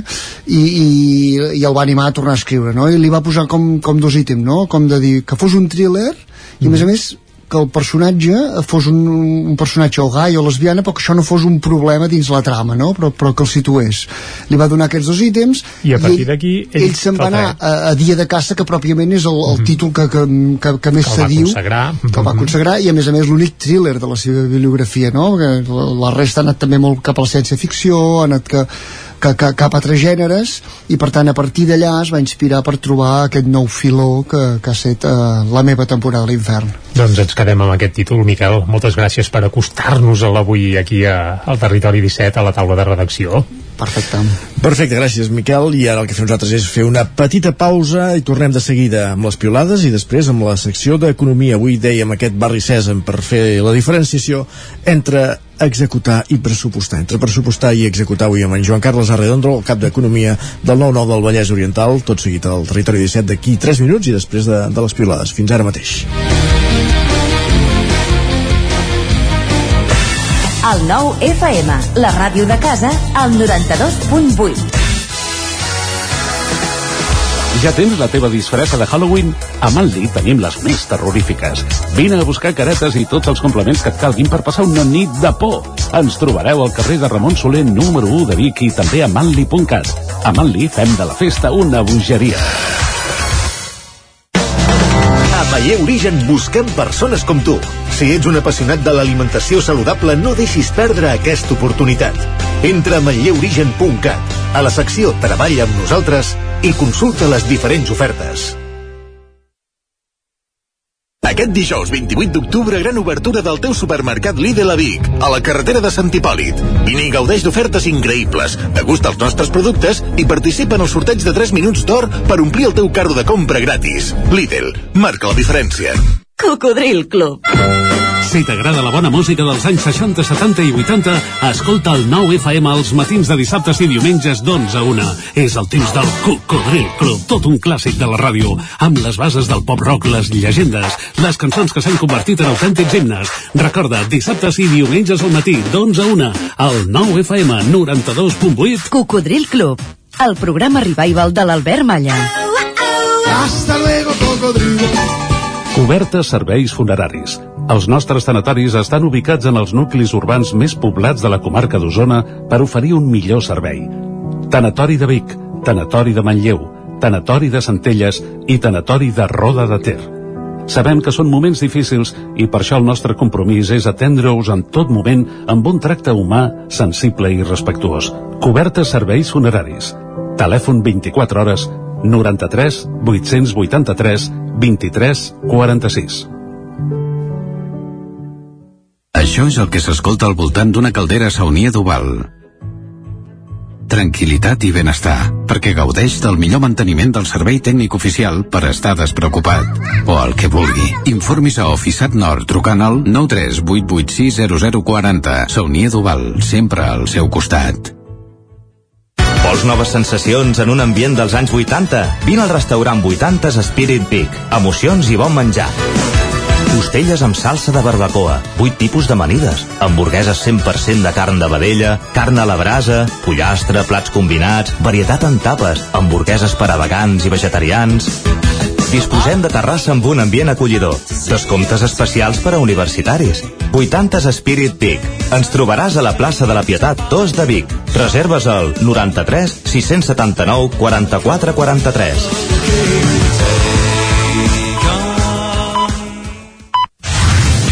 El nou FM, el nou FM, el nou FM. Són dos quarts de deu. Territori 17.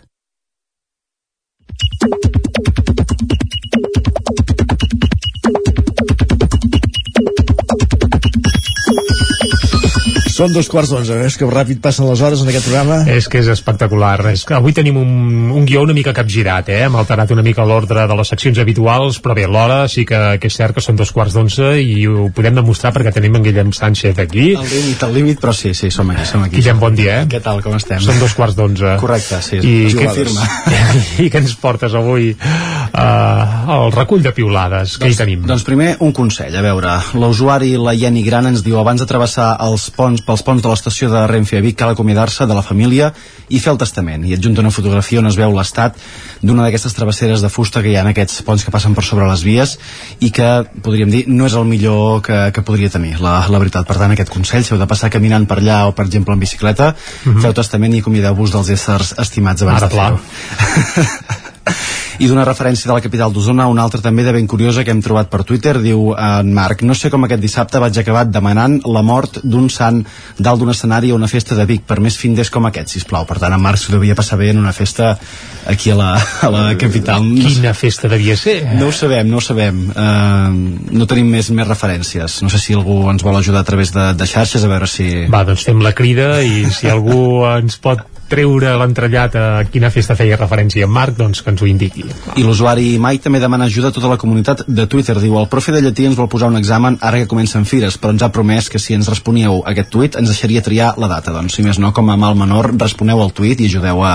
Ara que comencen fires, és de Girona, eh? Correcte, correcte. Per tant... Fires és aquest cap de setmana, per qui vulgui fer-hi cap, eh, diguem que el...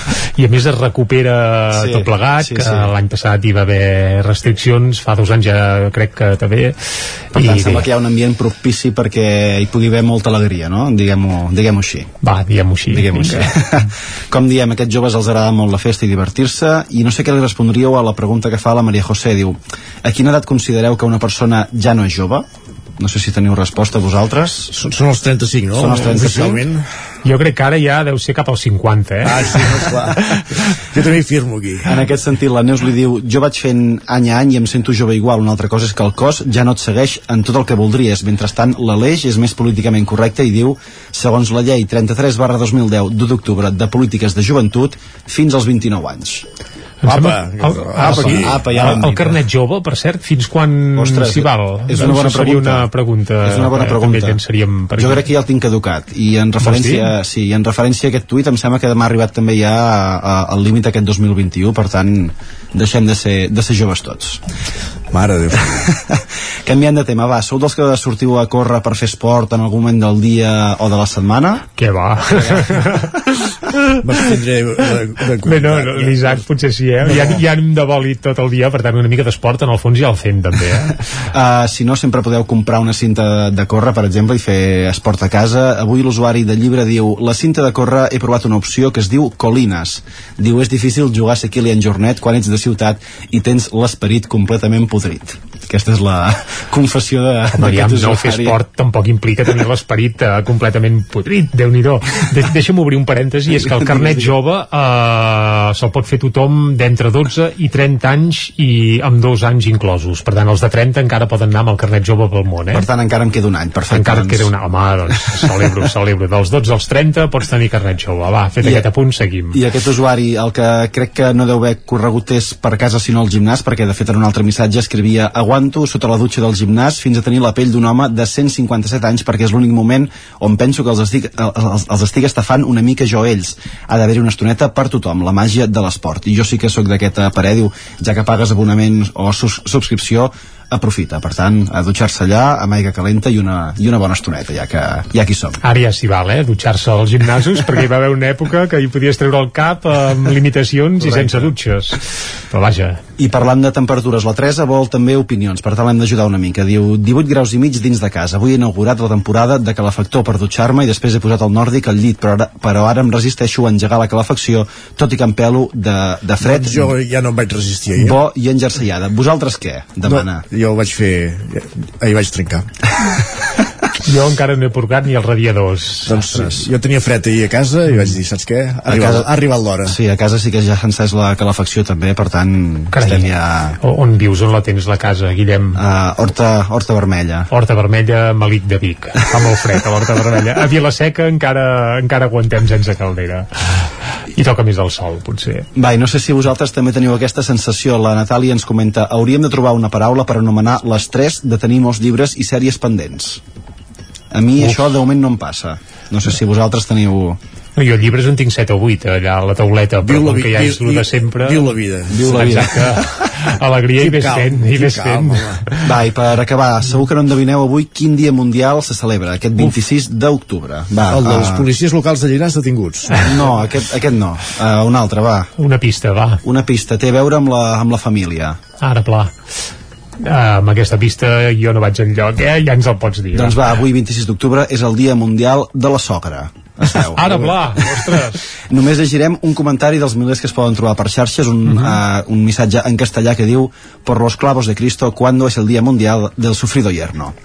No sé si hi ha un dia mundial també per als, els gendres. Per, als gendres però... segur que sí, sí, avui dia hi ha dies mundials per tot. El però tema seria qui els instaura aquests dies mundials? No sé. això hauríem d'analitzar com el d'avui, les sogres, està clar. Jo el, que, jo el que faré per això és felicitar totes les sogres per si de cas que no, sí, que no agafin represàlies contra, contra ningú de la, de la família. Doncs va, ja se't gira feina. Vinga Guillem, gràcies eh? A vosaltres. A felicitar sogres. I Isaac, nosaltres fem un cop d'ull al 99.cat sí. i comencem pel Vallès Oriental que evidentment obre amb aquesta última hora a Llinars, quatre detinguts en un escorcoll a la policia local de Llinars del Vallès relacionat amb el tràfic de marihuana. Això apareix ara mateix a la capçalera del 99.cat del Vallès Oriental. També que els pagesos reben amb preocupació l'anunci del decret d'energies renovables i que el Centre d'Arts en Moviment de Roca Humbert a Granollers convoca noves residències. A part també un apunt per la falta de pluges del darrer any que situa el Vallès en sequera severa. Per tant, molta sequera ara mateix al Vallès veia tot el territori 17. Eh? Anem al 99.cat d'Osona i el Ripollès, on ara mateix obre explicant que la carretera de Santa Eugènia està tallada per l'accident d'un camió, Cap Vicària s'ha reobert, sí, sí. Eh, és a dir, es pot passar amb tranquil·litat, però la foto és espectacular. Al mig de la recta entre Vic i Santa Eugènia, un tràiler volcat que talla els dos carrils. Però això, i... recordem, va ser ahir a la tarda. Sí, eh? sí, sí, ara mateix podeu anar a Santa Eugènia tranquil·lament, tot i que la informació encara apareix al 99.cat eh, d'Osona i el Ripollès. Més eh, notícies també a 20 anys de batecs teatrals i és que la companyia usonenca Còrcia Teatre celebra les dues dècades d'història i els cavalls de Canilla els més valorats al concurs de Llanars. Per acabar, una família de Centelles denuncia manca de places per ingressar el seu fill amb un trastorn de conducta. Doncs acabem aquí la taula la taula de redacció no, la, la secció dedicada al digital, als piolades i al 99.cat i ara sí entrem a la secció d'economia com cada setmana amb en Joan Carles Arredondo. Territori 17. El 9 FM, la veu de Sant Joan, Ona Codinenca, Ràdio Cardedeu, Territori 17.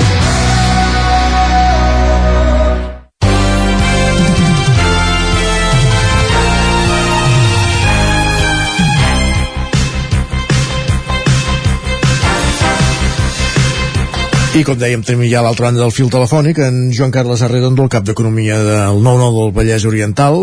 Joan Carles, bon dia, aquí ja bon saludem. Dues coses, dos preàmbuls, primer de tot. Abans de començar, m'agradaria que escoltessis un, un tall de veu que t'he preparat, que m'ha pensat que et faria molta gràcia d'escoltar i que, res, podem fer un comentari de dues frases que, que al final és el que es mereix, eh? Va, escolta, escolta, si saps qui és. Planteamos en este apartado una ley de crecimiento empresarial para quitar las barreras sindicales, fiscales, laborales e incentivar que las empresas crezcan. Barreres sindicales, laborales i fiscales, para que les empreses crezcan. Qui pot dir això? M'ha semblat que és el Pablo Casado, no? Impressionant, eh? Sí, diguem-ne que una persona que aspira a presidir el govern i que parli dels sindicats com a barrera eh, diu, diu poc de, de, de la capacitat de consens que pugui intentar aconseguir però en fi eh, i, i també parlar de barreres fiscals. Barreres fiscals, pagar impostos no és una barrera. No, no. però per, segon, pel que es veu, com que alguns dels seus surten els papers de Pandora, segurament no se'ls creuen gaire. No, no sé, si, no, no sé si aquests eren els, els, els comentaris que esperaves no. però, però, però estem en fase d'improvisació per tant sí, sí, però, però, però, però, però és això ja està, feta la introducció i avui explicàvem que avui la secció d'avui és una mica una mica de barri sèsam, no? Explicar la diferència entre pressupostar i executar. Exactament. És sí. això, eh? Sí, sí, és, és, és barri sèsam per, per, per nens ja de, de, de, de segon cicle de, de, de primària. Molt bé. Però, però sí, efectivament, en, en, fins, fins ara diguem-ne que el, el debat estava molt plantejat en els termes de vull, vull que es pressuposti en funció de, d'uns paràmetres que ara explicarem, eh, però sembla que ara el debat ha, eh, eh, ha avançat una mica i diu, no, home, una cosa és que posis en el paper i una altra la que, la la que posis a les carreteres, en els trens, etc. no? Eh, i ara que estem en ple debat de pressupostos sembla que, que, que pot ser oportú, diguem-ne, explicar aquestes diferències. Molt bé. Um, com que estem de preàmbuls, intentem també fer un preàmbul, no? De fet, el greuge econòmic ha estat durant molts anys un dels motors de creixement de, d'una desafecció catalana, diguem-ne desafecció utilitzant els termes del president del president Montira, ja, ja, ja, ja, ja, sona, ja, sona, ja sona vell, eh, això, però m'ha semblat que el, el terme desafecció um, engloba més gent, no?, que, que no pas només l'enfadada, només la que es vol separar. Um, sí que és veritat que amb, amb el greuge econòmic s'havien començat a marcar unes certes diferències, unes certes distàncies entre la realitat catalana i, diguem-ne, la de l'estat espanyol, no? Uh -huh. Um, en el passat, com dèiem, eh, aquesta, aquesta, aquest greuge s'expressava en la impossibilitat de gestionar determinades infraestructures, eh? Mm, es parlava de, de l'aeroport, eh, acte de l'IS 2006, també molt vell tot, però som el 2021 i encara es torna a parlar de si s'ha de gestionar l'aeroport eh, des de Catalunya, des de la proximitat sí.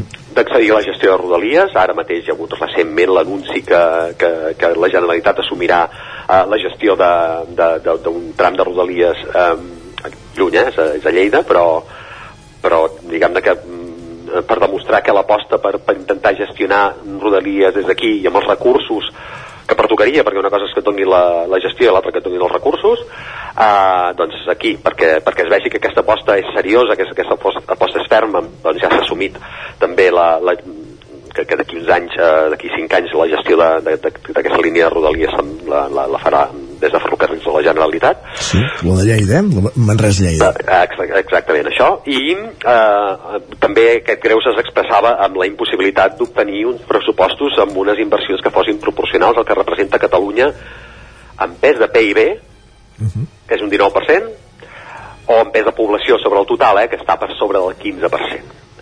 Eh, queden llunys els temps aquells de les disposicions addicionals de l'Estatut que semblaven blindar menys aquest últim factor, eh, les inversions el que representa Catalunya en el context espanyol. Mm, però de tota manera, poques vegades s'ha arribat ja sobre pressupost. Eh? Està, està molt clar eh, que aquest no és l'únic factor que ha portat a una porció molt significativa i segurament diríem que majoritària la pertinença de, de, de qüestionar la pertinença a Espanya però sí que es tractaria d'un factor amb opcions per part de l'Estat que s'haurien pogut corregir i, i més enllà de condicions polítiques eh? perquè um, el que hi ha molta gent que està veient que l'estat espanyol no és precisament un aliat per al bon desenvolupament del que hauria estat abans que legions de personalitats engominades eh, fossin les que s'alcessin amb el principal protagonisme de, econòmic, empresarial de l'Estat, eh? Sí. el gran motor econòmic era Catalunya. Eh? Lamentablement, la classe empresarial eh, que ha emergit a Espanya, això és una nota, és una nota al marge, eh? està més pendent del BOE que del mercat i, i això és una tendència que estaria bé que es canviés perquè dependre només del BOE vol dir molta dependència. Correcte, sí. Doncs, mm, fet, fet aquest preàmbul, eh, sí. arribem aquestes setmanes a la negociació dels pressupostos generals de l'Estat i hi ha aquella pel·lícula eh, que un personatge revivia el mateix dia un, el mateix dia infinites vegades eh, en, en diuen el dia de la marmota que ha quedat ja com, com fixat eh, en l'imaginari. Doncs s'està vivint eh, aquest dia de la marmota perquè reapareix la vella cantarella de les inversions en funció de la població o del PIB reapareix corregida augmentada. Eh, no només no s'arriben els pesos inversors que haurien que s'haurien hagut de complir per llei perquè l'Estatut és també tan imperi de la llei com la Constitució que tant esgrimeixen, um, sinó que es reinterpreta el vell axioma que el paper ho aguanta tot. Eh? Uh, ara potser no és el paper, el que aguanta tot, tot és l'Excel, uh, això ja fa dies que ho diem aquí, uh, no es compleix que Catalunya rebi el que equivaldria almenys el seu pes en població, això sí, um, diuen que el pes en inversions d'aquest any serà del 17%, si Catalunya, si Catalunya és un 16%, sí que, sí que s'està aconseguint això, però no pas en el PIB, eh, perquè el PIB Catalunya representa un 19%. Uh, però el problema um, és que entre allò que es pressuposta i allò que s'executa hi ha un abisme. Sí. I, i això és el que estan uh, donant a entendre les dades que estan apareixent diguem-ne els informes que, que estan apareixent aquests dies. Mm, uh, un dels casos més emblemàtics és el de Rodalies, Uh -huh. uh, les pluges de milions d'inversió que govern de diferent color política això ve sí, de sí, temps això. de Zapatero, Rajoy tothom ha promès aquí i abans fins i tot diria uh, exacte, no? doncs s'han convertit en, en pluges més aviat d'anuncis eh, perquè de milions no, no, no diguem-ne que n'han arribat pocs per citar un cas proper, eh? eh el desdoblament de la R3, eh, les pàgines del 9-9 d'Osona i, de, i del Ripollès, les del Vallès Oriental, eh? eh i, i també d'altres diaris, ha aparegut mm, repetidament re, de referències al desdoblament des de fa una pila d'anys, eh, tanta pila d'anys com les notícies sobre els retards del servei, que en el fons eh, també efect, tenen un efecte econòmic, per forma d'hores de, de feina perdudes. Uh -huh. Rodalies, també carreteres, estacions de tren d'alta velocitat, eh? els que entren a Barcelona poden veure el forat que hi ha al voltant de la Sagrera per l'estació aquesta, que és, és, és un forat. Eh, els exemples van per territoris. Eh? Un forat en doble sentit, també econòmic, no? Sí, sí, va, i, i també un, un forat amb, amb, avui que tenim aquí casos de corrupció propesa aquí a Llinars que s'estan investigant amb, amb el tema de l'AVE a la Sagrera també déu nhi el que van apareixent. No? Correcte tot, tot això que dèiem, eh? no, no el de les casos de corrupció, sinó aquests, aquests retards acumulats en infraestructures, eh, és el resultat que les inversions han estat per sota del que legítimament es reivindica, però sobretot que allò que es pressuposta no, no, no es porta a terme. Uh, aquí hi ha uh, la variació sobre la cançó de l'enfadós de les inversions de l'estat a Catalunya. Eh? Això fins ara es mirava molt quan es pressupostava, però ara s'està veient que el greu ja anava més enllà perquè es pressuposta poc i s'executa menys. Segons les dades de la intervenció de l'Estat i del Departament d'Economia que citava la setmana passada a TV3, en els últims 5 anys amb registres disponibles l'execució pressupostària va ser del 70% el 2015, del 56 el 2016 bona notícia, el, el 2017 va pujar, eh? es va pujar el 81%, Carai, encara, tu. sí, però encara quedava aquí un camí, eh? I, mm, clar, perquè, no, perquè la, la cria a casa del pobre dura poc. El 2018 encara va ser inferior i va ser un 57%. Que no tingués a veure amb algun referèndum, no, això del 2017? Uh, podria ser, podria ser, sí. Aquest 2021, en dades de, del mes de juny, s'havia executat un 13% del pressupost d'inversions previst a Catalunya. Uh -huh. eh, són comptes provisionals eh, i no obres en l'any sencer, però tot apunta que s'estarà lluny de confirmar que els fons estatals previstos arribin a la seva totalitat. La falca sagnant d'aquesta anàlisi és que la Comunitat de Madrid eh, s'han acabat executant més inversions que les que estaven pressupostades en els anys analitzats, els que hem dit abans, eh, sempre per sobre del 100%, o sigui, eh, sobre, anaven amb, amb, amb propina, diguem-ne, les, les inversions allà.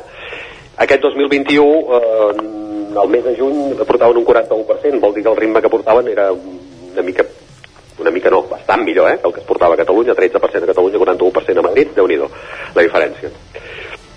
Quan la ministra del RAM, Maria Jesús Montero, va exposar les línies mestres d'un pressupost que encara és negociable, eh, i va avançar que a Catalunya li pertocaria un 17,2% d'inversió, aquesta inversió que es diu territorialitzable. Uh -huh. Pensava que m'encallaria amb aquesta paraula. Doncs no. ha anat.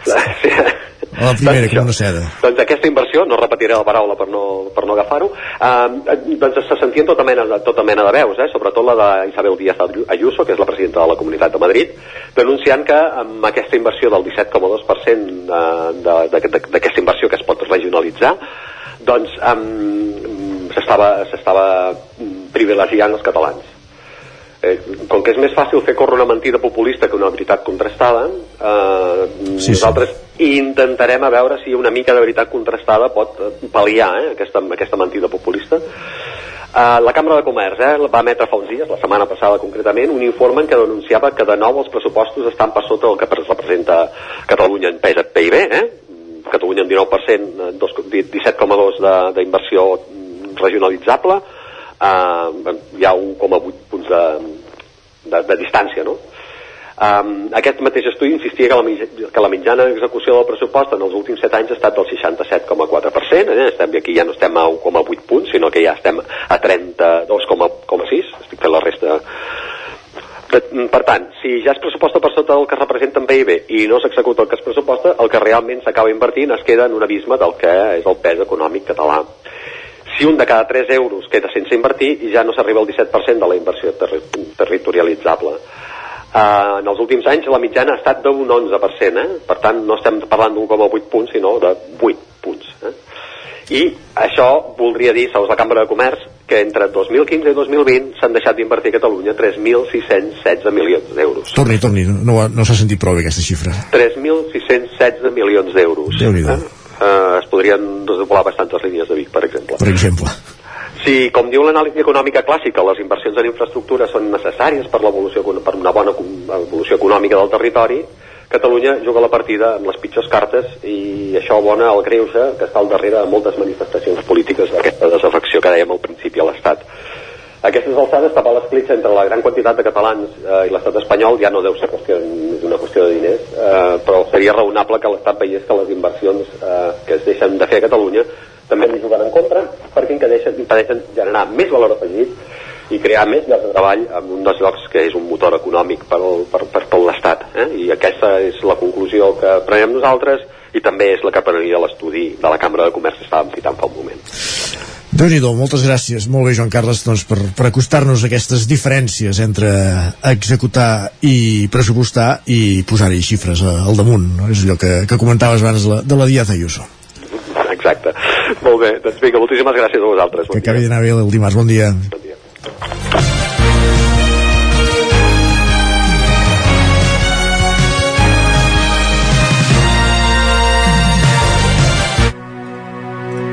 Territori 17 El 9 FM, la veu de Sant Joan, Ona Codinenca, Ràdio Cardedeu, Territori 17 I Territori 17, amb Isaac Moreno i Jordi Sunyer. I al Territori 17 el que fem tot seguit és, com dèiem, parlar eh, de natura. Parlem amb el Centre d'Estudis dels Rius Mediterranis, concretament amb una de les seves tècniques, amb la Núria Sallarès, a qui ja saludem, la tenim a l'altra banda del fil telefònic també. Bon dia, Núria. Hola, bon dia. I avui el que farem és reprendre aquesta secció que havíem fet durant, durant la temporada passada, un cop al mes, per parlar de, de rius, d'ecologia, de, de, de natura, i el que avui en el que ens volem centrar o en volem aprofundir és amb aquesta jornada que fèieu el dissabte, diguéssim, aquesta mena de jornada, no sé si activitat de portes obertes, on es feia un... es recollien mostres al riu a la vista, diguéssim, de, dels espectadors i i es podia anar divulgant aquesta tasca que, que fèieu al riu. Una mica és això, eh? Uh, bueno, uh, el que es va fer va ser, bueno, el que fem normalment uh, al centre d'estudis és, el que fem és agafar mostres de, de macroinvertebrats aquàtics, sí, que són petits insectes, petites larves de, de mosques, de mosquits, de libèl·lules que viuen a dintre els rius. Llavors aquests, aquests petits insectes, aquestes larves de, us explicava de, dels insectes, el que ens serveixen és d'indicadors. Ens serveixen per saber quina és la qualitat de l'aigua perquè cadascun d'ells pot viure en diferents qualitats d'aigua. N'hi ha que poden viure en rius amb aigües molt netes, n'hi ha que poden viure en rius i amb aigües més contaminades. Llavors, en funció dels que ens surten, podem saber quina és la qualitat, quin és l'estat ecològic d'aquests nostres rius. Uh -huh. Val? I això és el que fem. Els traiem amb un salabret, els anem sí. classificant, anem, anem mirant quines són les diferents famílies que surten i en funció del que ens ha sortit fem un recompte i sabem si la qualitat de l'aigua és més bona o no és tan bona. Uh, això, uh, això entenc que a, a simple vista, diguéssim, qui- quina con primera conclusió podeu treure, perquè entenc que la- llavors la- l'aigua s'ha d'analitzar, o ja amb, només amb el tipus de- d'invertebrats que traieu ja podeu treure les primeres conclusions? No, el que fem són mirem diferents paràmetres. Eh? Aquest seria el paràmetre més biològic. Llavors el que fem també és mirar, mirar la globalitat de tot el riu. Mirem si l'ecosistema està bé, mirem si té un bosc de ribera en bon estat, si, si n'hi ha, si no n'hi ha, perquè en alguns punts del riu, uh, no sé, et mires el riu Ges de Torelló, et mires el Mader ben bé dintre de Vic i costa una mica de trobar-hi bosc de ribera. Però hi ha d'altres llocs que sí que hi ha un bosc ben consolidat, per tant això és un dels punts que mirem. També si geomorfològicament està bé, és a dir, si la forma del riu és natural o no, o ha estat molt, molt alterada. També mirem això dels invertebrats, que seria més la part biològica, i mirem la qualitat físico-química. Agafem mostra d'aigua i la portem a analitzar amb algun laboratori.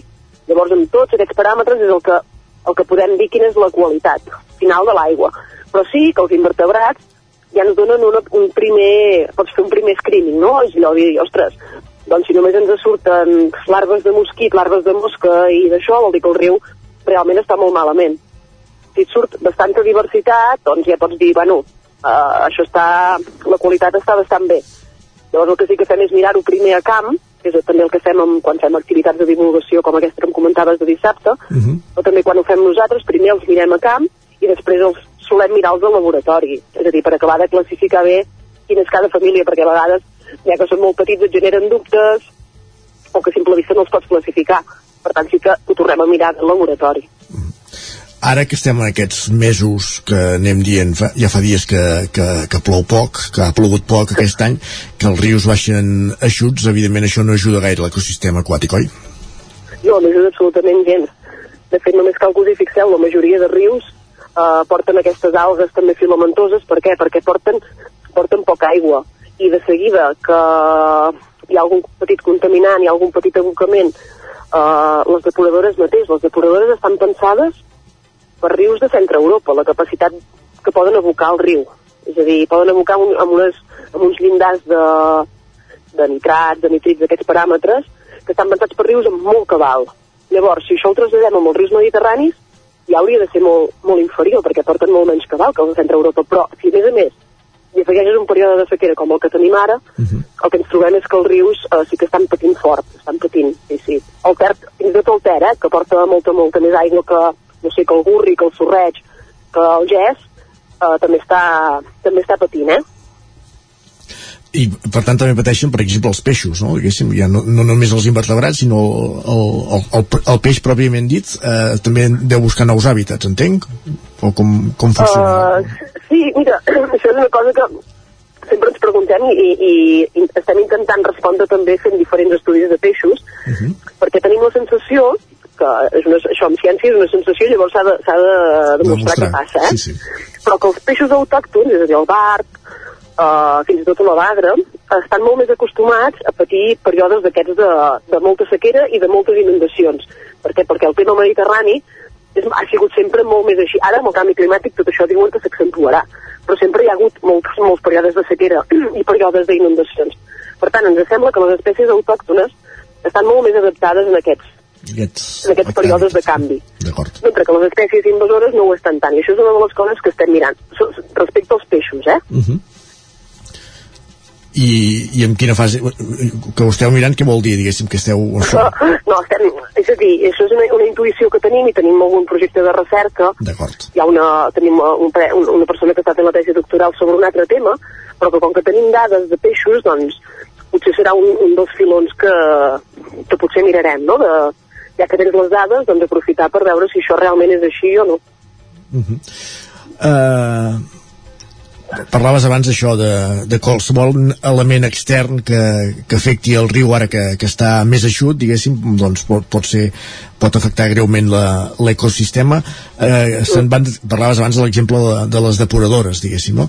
eh, n'hi ha d'altres o se'n van detectant d'altres eh, que puguin afectar l'ecosistema d'alguna manera més enllà de la sequera Perdó uh, bueno, es detecta el de, el de sempre i que portem dient molts anys en els, en els nostres estudis, eh? Uh -huh. Que la zona de la, de la plana de Vic, la plana més agrícola d'aquesta comarca, uh, tenim un excés de, de nutrients, tenim un excés de nitrats, de fosfats, de nitrogen a les, ja a la, al terreny, el tenim a les aigües subterrànies, que això cada any ho estudia molt bé el grup de defensa del Ter, però això també molts cops es, eh, es troben als rius que és l'últim lloc on arriben, eh? però també arriben perquè quan plou el rentat dels camps molts cops va, als nostres rius i sí que el que veiem és que el Gurri, el Gurri, el Mader i el Sorreig, que potser són els rius amb molta menys aigua que el Ter, per exemple, però que, que circulen per, per zones agrícoles, aquests, aquests pateixen en aquest sentit, eh? tenen, tenen nivells de, de nitrats, de nitrats, de nitrits, de fosfats, perquè són aquests nutrients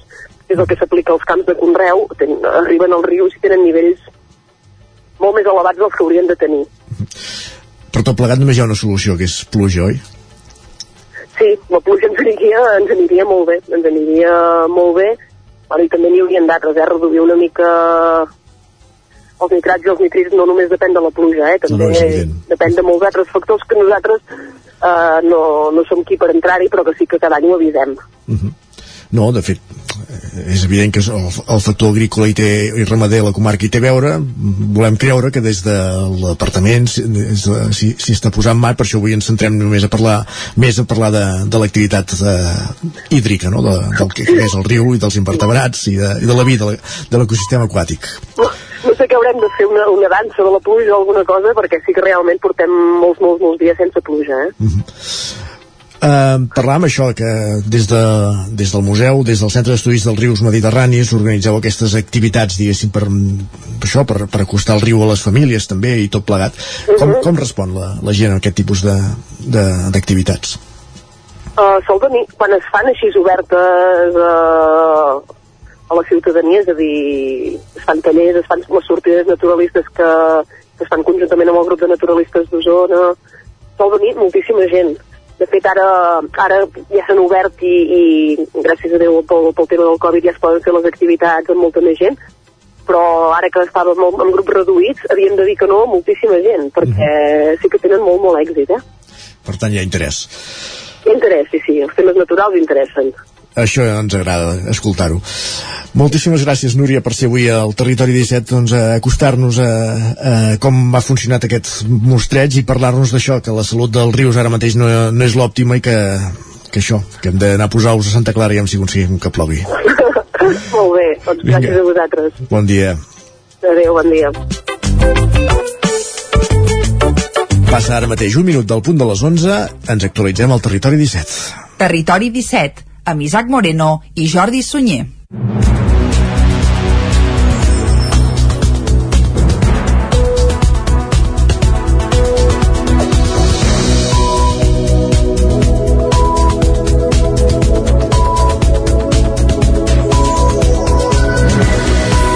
Com dèiem ara, moment de posar-nos al dia al territori 17, l'Ajuntament de les Masies de Voltregà ha comprat la casa de les monges de Vinyoles al Bisbat de Vic. L'edifici, que feia anys que estava tancat, es convertirà en un espai vinculat a l'educació, l'esport i la figura de Jacint Verdaguer.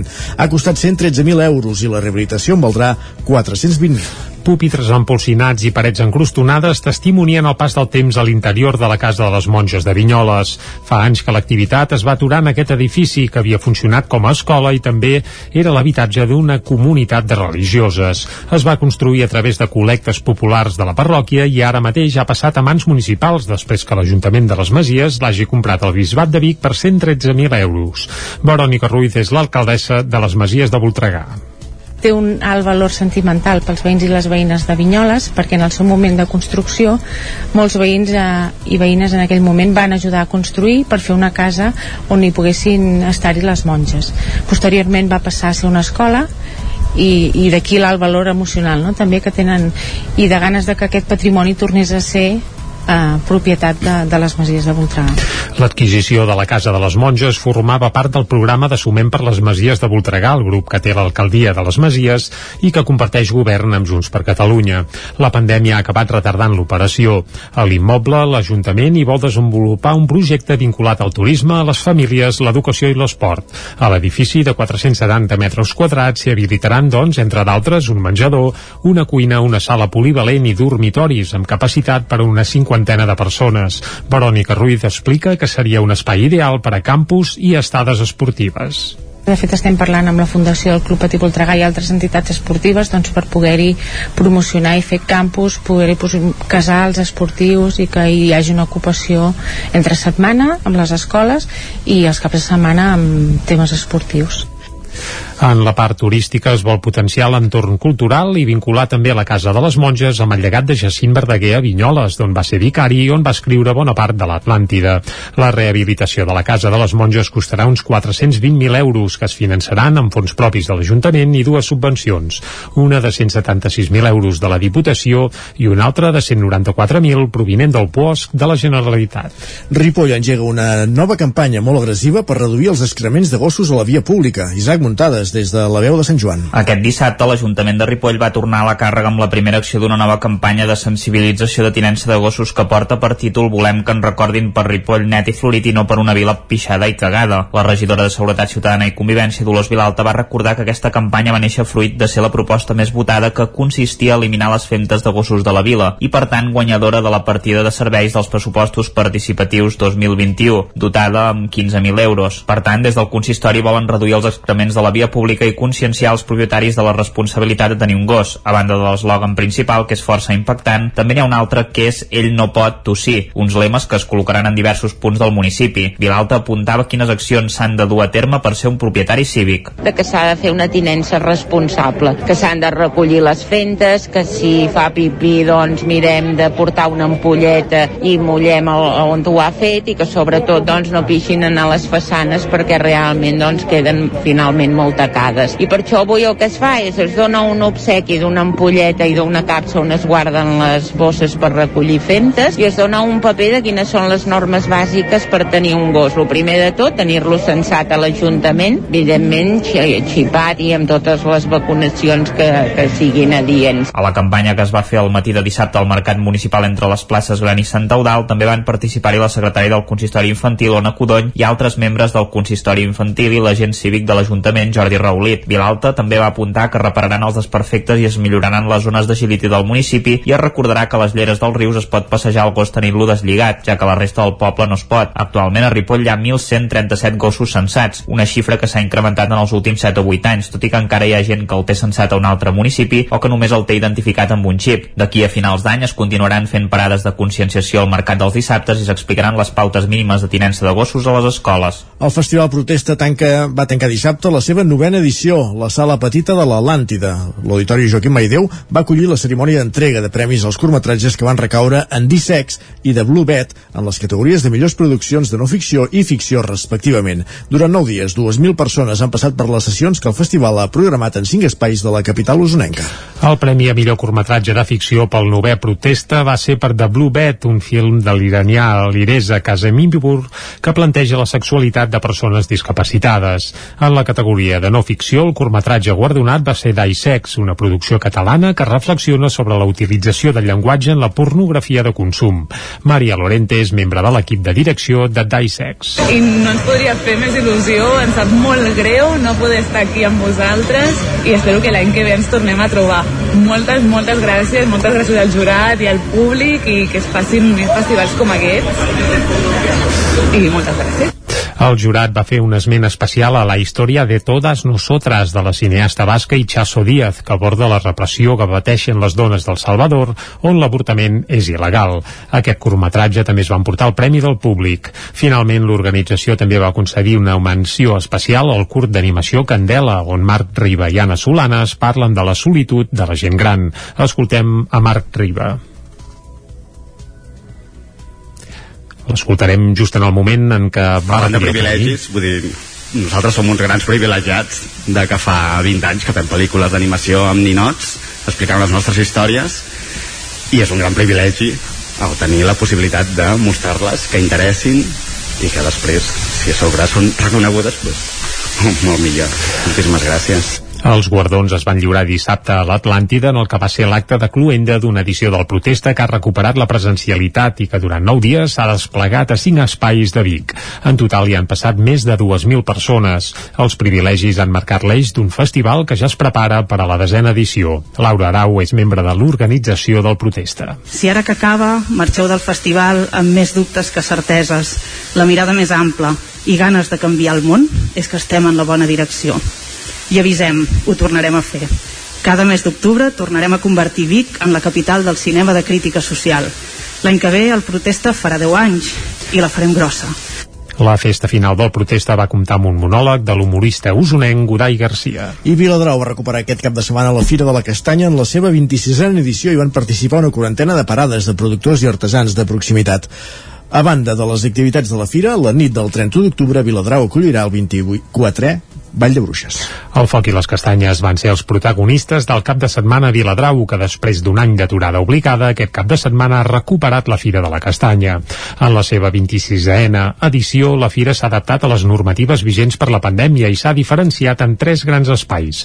El de la restauració, el de les activitats i espectacles i el de les parades de productors i artesans que hi van presentar productes elaborats i derivats de la castanya. Ho detalla Noemí Basties, alcaldessa de Viladrau. Normalment hi trobàvem unes... perquè ho limitem nosaltres, eh? perquè podríem tindre moltes més, però l'espai, el poble és el que hi ha, no? I llavors, els altres anys podíem trobar entre 70 i 80 parades i aquest any en tenim unes 40 i pico. Entre les parades no hi va faltar un dels clàssics de cada any, el Centre de Manipulació de la Castanya de Viladrau, una empresa del municipi dedicada a recuperar castanyers centenaris del Montseny que des de fa 13 anys porta els seus productes a la fira. Escoltem a Gemma Soler del Centre de Manipulació de la Castanya. Sí que ho trobàvem a faltar, no? I el contacte amb la gent de dir, ostres, cada any us veiem aquí i ara ens tornem a veure i, i poder veure les persones de cara a cara és, bueno, és un regal, vull dir, poder compartir no, la festa del Fira del Castanya, que és una festa doncs d'aquí, del, del territori i que fa, fa, bueno, fa, fa Viladrau.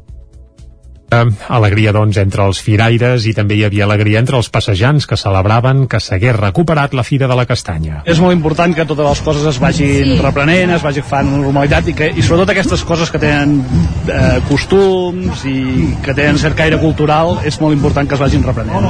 Molt bé, cada any sí, hi ha bastanta gent. Després del Covid, déu nhi la gent que hi ha. Aníem a fer una ruta de fet a, fer, a buscar a collir castanya i ens hem trobat amb la fira i... Sí, que de fet no sabíem que hi havia fira. Sí, no, i molt guai. Aquesta nova edició de la Fira es tancarà diumenge amb la 24a edició del popular Ball de, Fru de Bruixes. En coneixerem més detalls de seguida perquè l'alcaldessa de Viladrau, Noemí i Bèsties, la tindrem en directe aquí a Territori 17. Més qüestions. Pau Garcia, de Parets del, del Vallès, guanya el Campionat del Món de Patinatge en la seva primera participació en un Mundial com a sènior. Núria Lázaro, de Ràdio Televisió de Cardedeu. El patinador de Parets del Vallès, Pau Garcia, s'ha proclamat campió del món en modalitat lliure al Campionat del Món d'Asunción, al Paraguai. En el seu primer Mundial com a sènior ha obtingut una puntuació rècord de 279,64 punts. La Federació Espanyola de Patinatge ha dit en un comunicat que ha fet una competició extraordinària demostrant que no té sostre. El parat entrenat per Òscar Molins i Manel Vilarroya ha hagut de remuntar fent un gran programa llarg després d'acabar en segona posició el programa curt.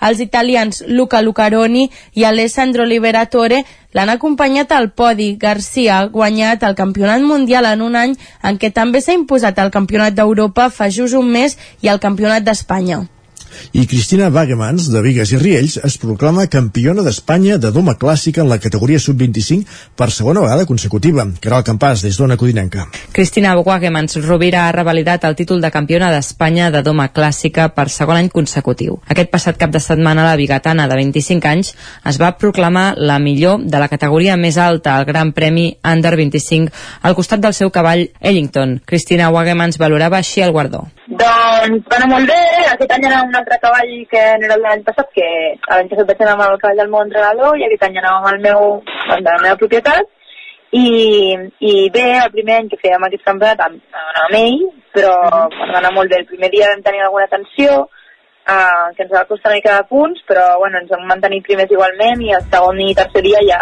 ens va anar molt millor i bueno, ens vam mantenir primers cada dia i pues, bueno, pues molt bé. L'Amazon ha estudiat el grau mitjà i el grau superior de tècnic d'esportiu d'hípica i s'ha especialitzat en toma clàssica. La seva passió és muntar i competeix en l'àmbit nacional des dels 14 anys. L'any passat l'Amazona Bigatana ja va guanyar la medalla d'or d'aquest campionat amb el cavall del seu entrenador bigatana de Vigues i Riells, no de la ciutat de Vic. Exacte. Gràcies, Caral, per aquesta informació, que, per tancar aquest bloc informatiu que han fet des de les 11 en companyia també de la Núria Lázaro i de l'Isaac Montades i d'en Jordi Sunyent. Fem una petita pausa i tornem tot seguit amb l'entrevista.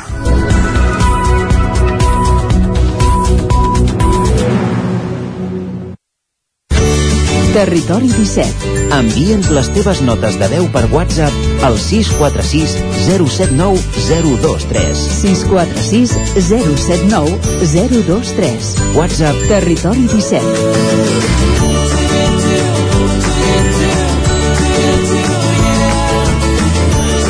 Territori 17. Som a Facebook, Twitter i Instagram amb l'usuari Territori 17.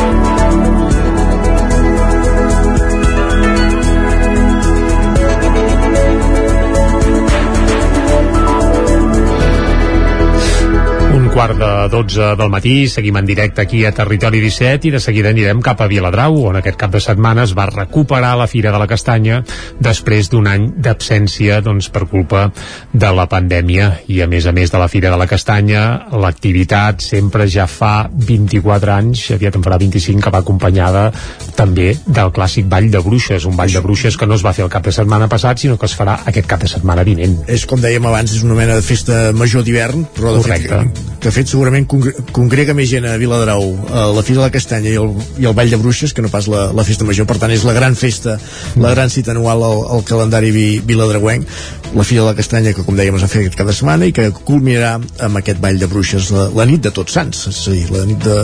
De diumenge cap a la nit de la dilluns. Per entendre'ns. Exacte.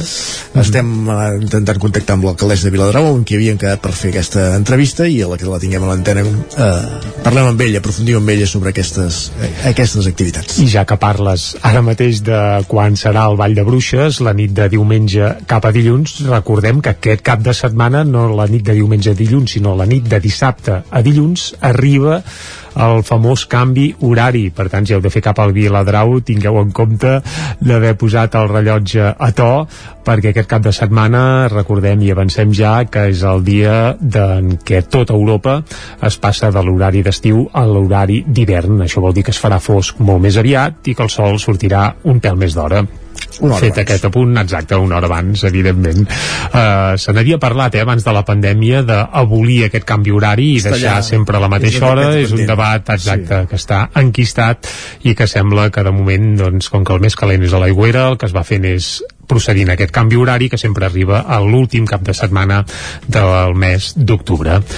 Fet aquest apunt, horari, eh, no sé si ja tenim a punt la nostra connexió amb Viladrau, sembla que de moment encara no, per tant, el que farem és explicar doncs això, que aquest cap de setmana sí que es va poder fer la Fira de la Castanya a Viladrau, que tal com hem explicat els butlletins informatius doncs va tenir molt bona acollida uh -huh. i va anar un munt de gent que més va aprofitar la bonança meteorològica i ens ho acosta prou en Pep acosta cada dia, portem gairebé 15 dies sense pluges 15 dies que a muntanya a Viladrau, que és a una certa alçada doncs hi fa molt bo i fa sol a més a més i segur que bé, més que un dia de, de tardor feia gairebé un dia d'estiu, tot i que de castanyes ja n'hi ha, eh? Sí, n'hi ha, ah. però també ens avisen que serà un any eixut de castanyes a Viladrau, mm. precisament pel que dèiem abans, per la falta d'aigua també, diguéssim que hi ha poca producció Mm. Poca producció i les castanyes més petitones, això Exacte. cal dir-ho. El que passa que sí que els ah, pallons han començat a caure... Les de Viladrau i... ja són, eh, més petites. Sí, això és cert, eh? Si compares les gallegues, que és les, les que, que majoritàriament trobem als supermercats, i després compares amb les que es recullen a la falda del Montseny, la castanya típica de Viladrau,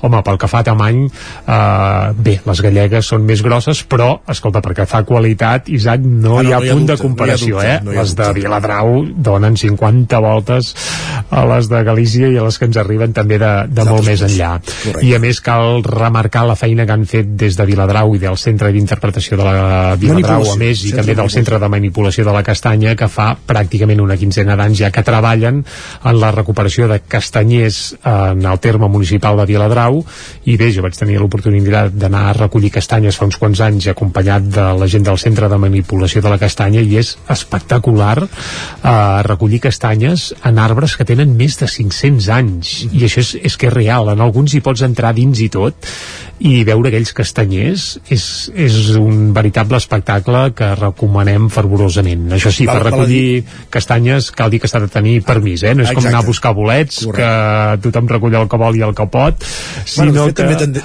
també tendim cap aquí amb els bolets eh? sí, perquè ens hem d'enganyar bé i amb les castanyes també hi ha de tot eh? però sí que és cert que qui vulgui anar a recollir castanyes ho pot fer però hi ha algunes propietats eh, sobretot en el cas de Viladrau, on et deixen anar a recollir castanyes, però del que reculls, després, diguem que una part l'has de deixar uh, pel propietari, en aquest cas pel propietari de l'explotació forestal on hi ha els castanyers, finca, i sí. una altra part, doncs, te l'endús tu cap a casa, i això sí que hi ha un parell d'indrets a Viladrau que es pot fer, per tant, uh, s'hi val anar a recollir castanyes, però sempre tenint en compte que és en finques privades que tenen propietari i que, per tant, doncs, cal, uh, entre cometes, passar per sedàs i aquest peatge.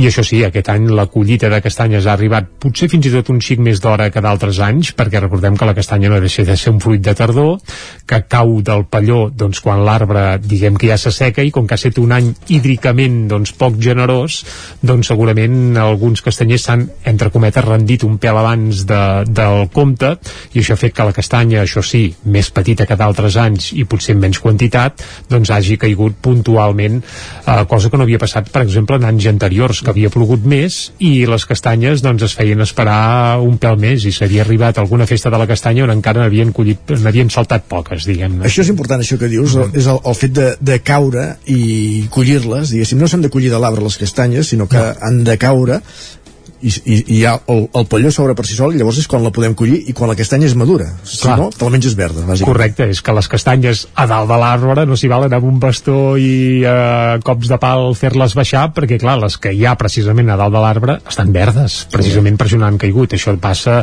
de manera similar amb les nous, amb les avellanes i amb d'altres fruites de, de tardor que el millor és collir-les del terra. I evidentment quan són al terra doncs és que ja són madures. Això sí, la castanya cal anar molt de compte perquè bé, hi ha el perill d'espinar-se de, i força, eh? perquè els pallons són força agressius i a vegades costa una mica fins i tot treure la castanya del palló, però no deixa de ser un esport i, i, sí, sí. i un entreteniment com qui va buscar bolets, doncs va buscar castanyes. Que de fet ens ho explicava el dijous la seva secció la Cristina Enfruns, uh mhm. -huh. tant el palló com la castanya són castanyes. De fet, el que nosaltres considerem la castanya és la llavor. Ah. Però de tot en podem dir castanya. Ah, perfecte.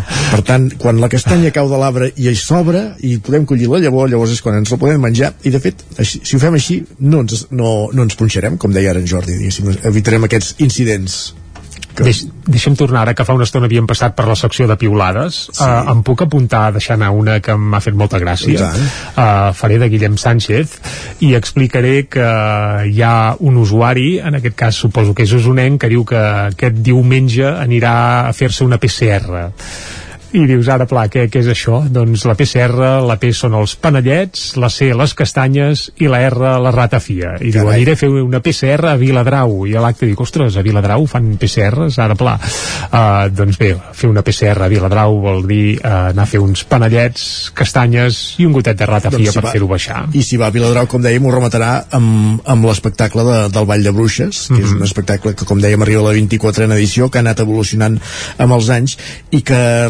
recorda la memòria d'aquelles dones que, que en el seu moment, al segle XVII, doncs van, van ser condemnades per segurament per ser dones o, o per voler-se desmarcar de, del ramat una mica. Bé, exacte, no, no, és que precisament el que passava és que la saviesa popular, remeieres, qui coneixia millor les herbes, qui coneixia millor el bosc, eren precisament aquestes dones, uh mhm. -huh. i bé, en alguns casos doncs, se, les acusa, se les acusava de bruixeria en el mal sentit del terme, quan evidentment el que feien era segurament guarir eh, i precisament amb els productes que donava la terra i en aquest cas el bosc.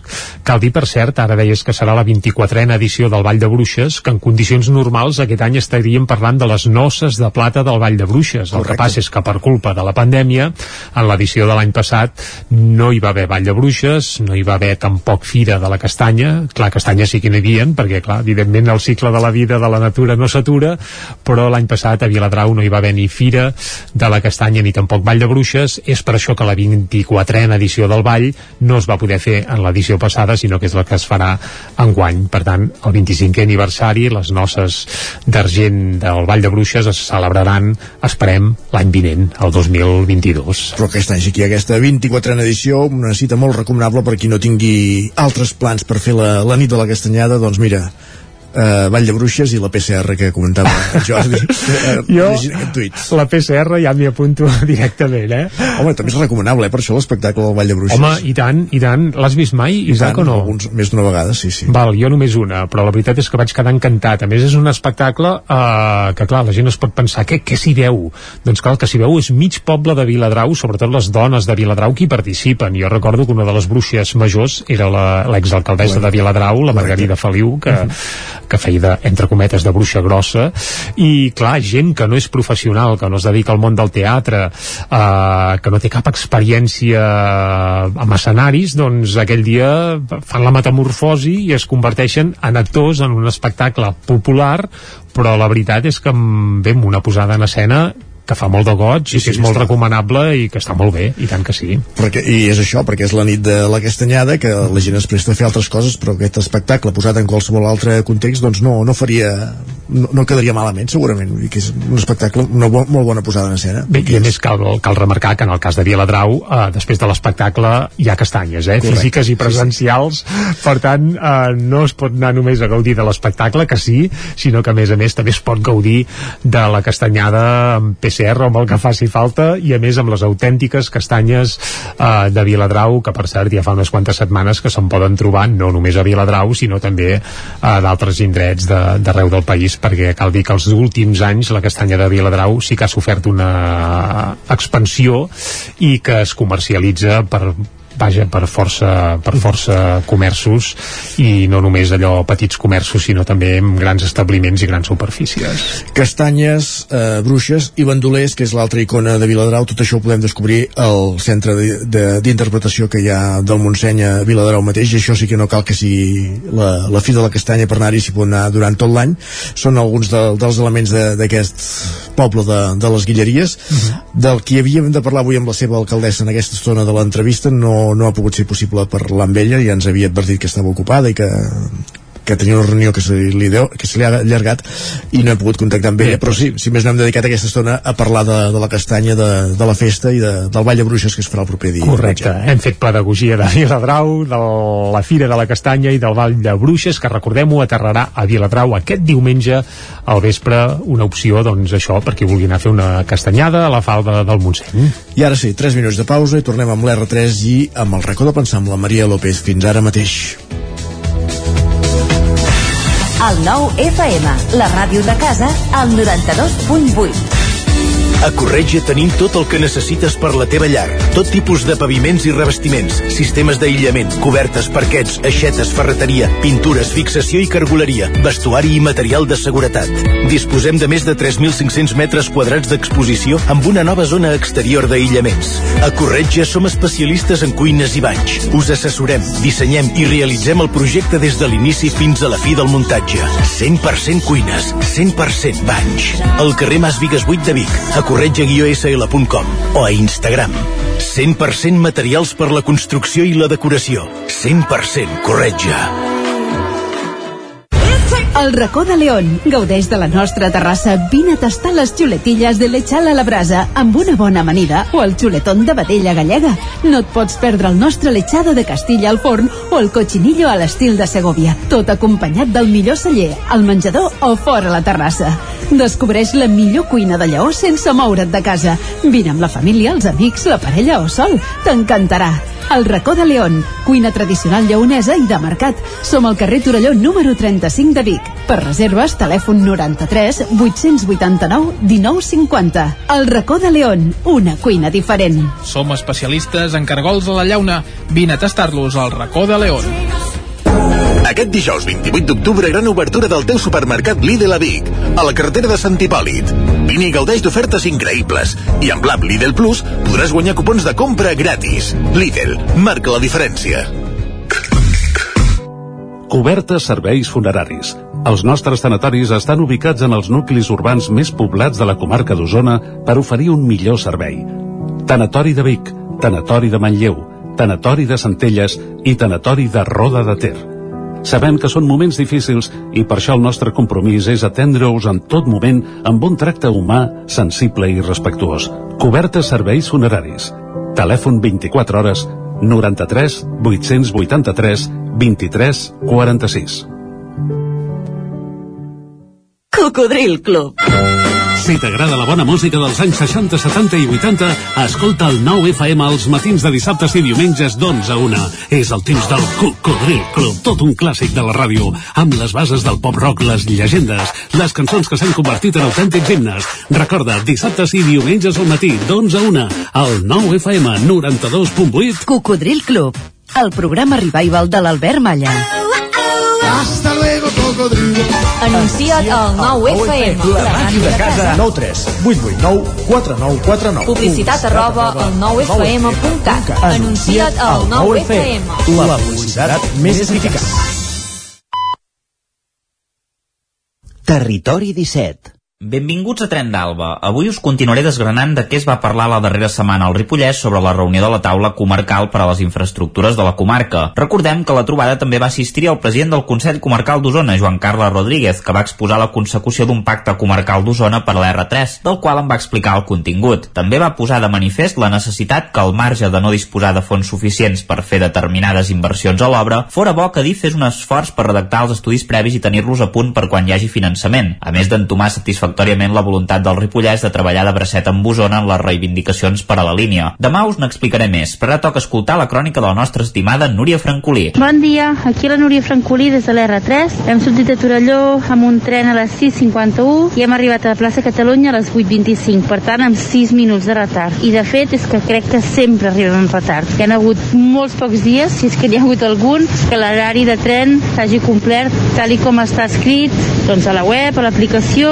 i en els horaris en paper. De fet, avui mateix jo viatjava amb un devolució express i crec que durant els tres mesos que fa que pujo i baixo de Barcelona de forma regular, dos tres cops a la setmana, doncs he viatjat amb uns 4 o 5 devolucions express. Que fort, que bèstia que normalitzem les devolucions express i que fort i que bèstia que normalitzem arribar doncs 5, 6, 7, 8, 10, 20 minuts tard cada cop que agafem el tren. Molt bon dia, que passeu un bon dimarts. Una abraçada a tothom. Sí, és gairebé impossible arribar puntual. I que fort, com dius tu, que es normalitzin les devolucions express perquè això és un mal símptoma, que la línia R3 no funciona, bàsicament. A veure si també la traspassen a la Generalitat de Catalunya i se soluciona. Tot i que primer vull veure com funciona Lleida. Va, ens retrobem demà amb més històries del tren i de la R3. Territori 17 amb Jordi Molet.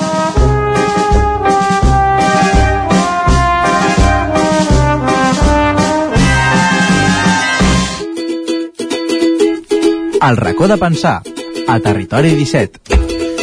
Doncs el racó de pensar avui amb la Maria López parlant de models familiars, tot seguit, com cada dimarts a aquesta hora, la recta final del programa. Per, saludem, com dèiem, la Maria López per parlar de sistemes familiars. Avui el contingut de el racó de pensar.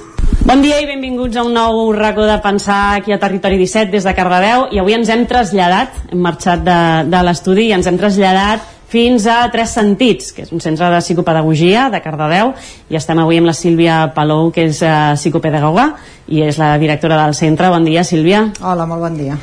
Avui ens hem traslladat fins aquí perquè fa unes setmanes eh, la Sílvia va oferir eh, a través de l'Aula de Cultura, que fa unes conferències a Cardedeu, uns diferents cicles de, de conferències, eh, per parlar dels sistemes familiars. Uh, així sentit des de fora es poden interpretar moltíssimes coses pel que fa en referència als sistemes familiars. Però d'alguna manera, Sílvia, corregeix-me si, si m'equivoco, entenc que parlant de tots aquells tipus de família i la manera, les maneres o les mecàniques que, que es passen dins d'aquestes famílies. Famílies ja de tot colors, hi ha moltíssimes i de mil opcions diferents i cada dia més, segurament si observéssim uh, un perfil de família de fa 50 anys, no tindria res a veure amb tot el ventall i possibilitats familiars que podem trobar avui dia Uh, i no sé si és possible que dintre d'aquestes diferents tipus de famílies trobem certes mecàniques que es repeteixen o no.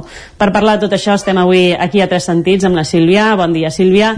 Hola, molt bon dia. Uh, no sé si podem arrencar sí. ja, si ens pots explicar sí. una mica això. Concepte de sistemes familiars, sí. per començar una mica. Bueno, un sistema és un conjunt d'elements de, que estan imbrincats entre si, que tenen un engranatge i que fa que quan un es mou es mouen tots. Val? Sistèmicament, eh, avui en dia sabem que tot funciona així, les xarxes socials, no? Eh, l'ecologia, i evidentment doncs, les relacions humanes sempre han funcionat des d'aquesta mateixa paràmetre no? de, de connexió entre les persones que estan vinculades dintre d'un mateix grup eh, social.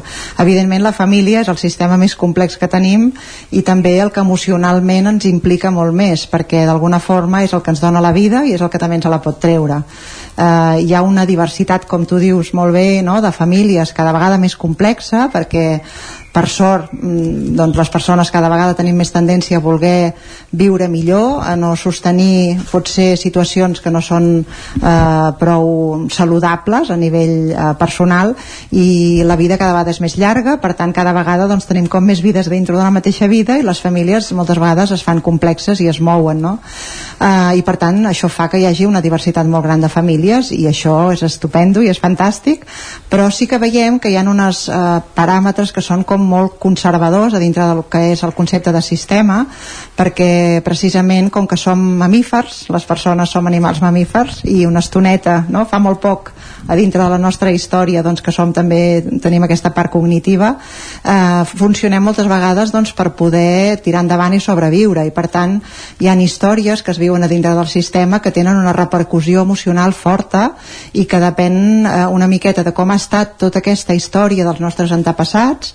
Eh, sobretot parlem molt dels avis eh, els pares i les mares evidentment però avis i àvies i fins i tot besavis i besàvies que han viscut històries que són complexes i que tenen una repercussió deia important a nivell dolorós no? que ja eh, s'han viscut situacions que porten un, un ressò emocional i que el que veiem és que hi ha una, mm, una herència que es va passant d'una generació a una altra i que té una influència també en com funcionem en el dia a dia per tant sí que hi ha una diversitat molt gran de famílies, però en el fons, eh, a dintre del cor de cada persona, les necessitats són les mateixes, són les mateixes que hi ha ara, que hi ha hagut eh, sempre, no?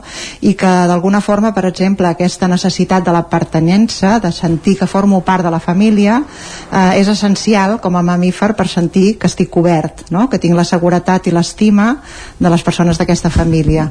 I per tant, moltes vegades, algunes de les reaccions, dels comportaments, fins i tot dels símptomes no? que fan potser fills i filles o o, o adolescents eh, o fins i tot els pares i les mares eh, veiem que tenen de vegades mirant la història familiar tenen una raó de ser que va més enllà de la nostra voluntat fins i tot de vegades de la nostra consciència Entenem doncs una mica pel que deies que eh, aquestes noves formes de família, aquestes noves estructures que reconstrueixen amb aquest, eh, amb aquest fet de perseguir la felicitat que dèiem no? Uh -huh. i que és totalment eh, lloable d'alguna manera sí que afecten indirectament a aquesta sensació de pertànyer a un lloc?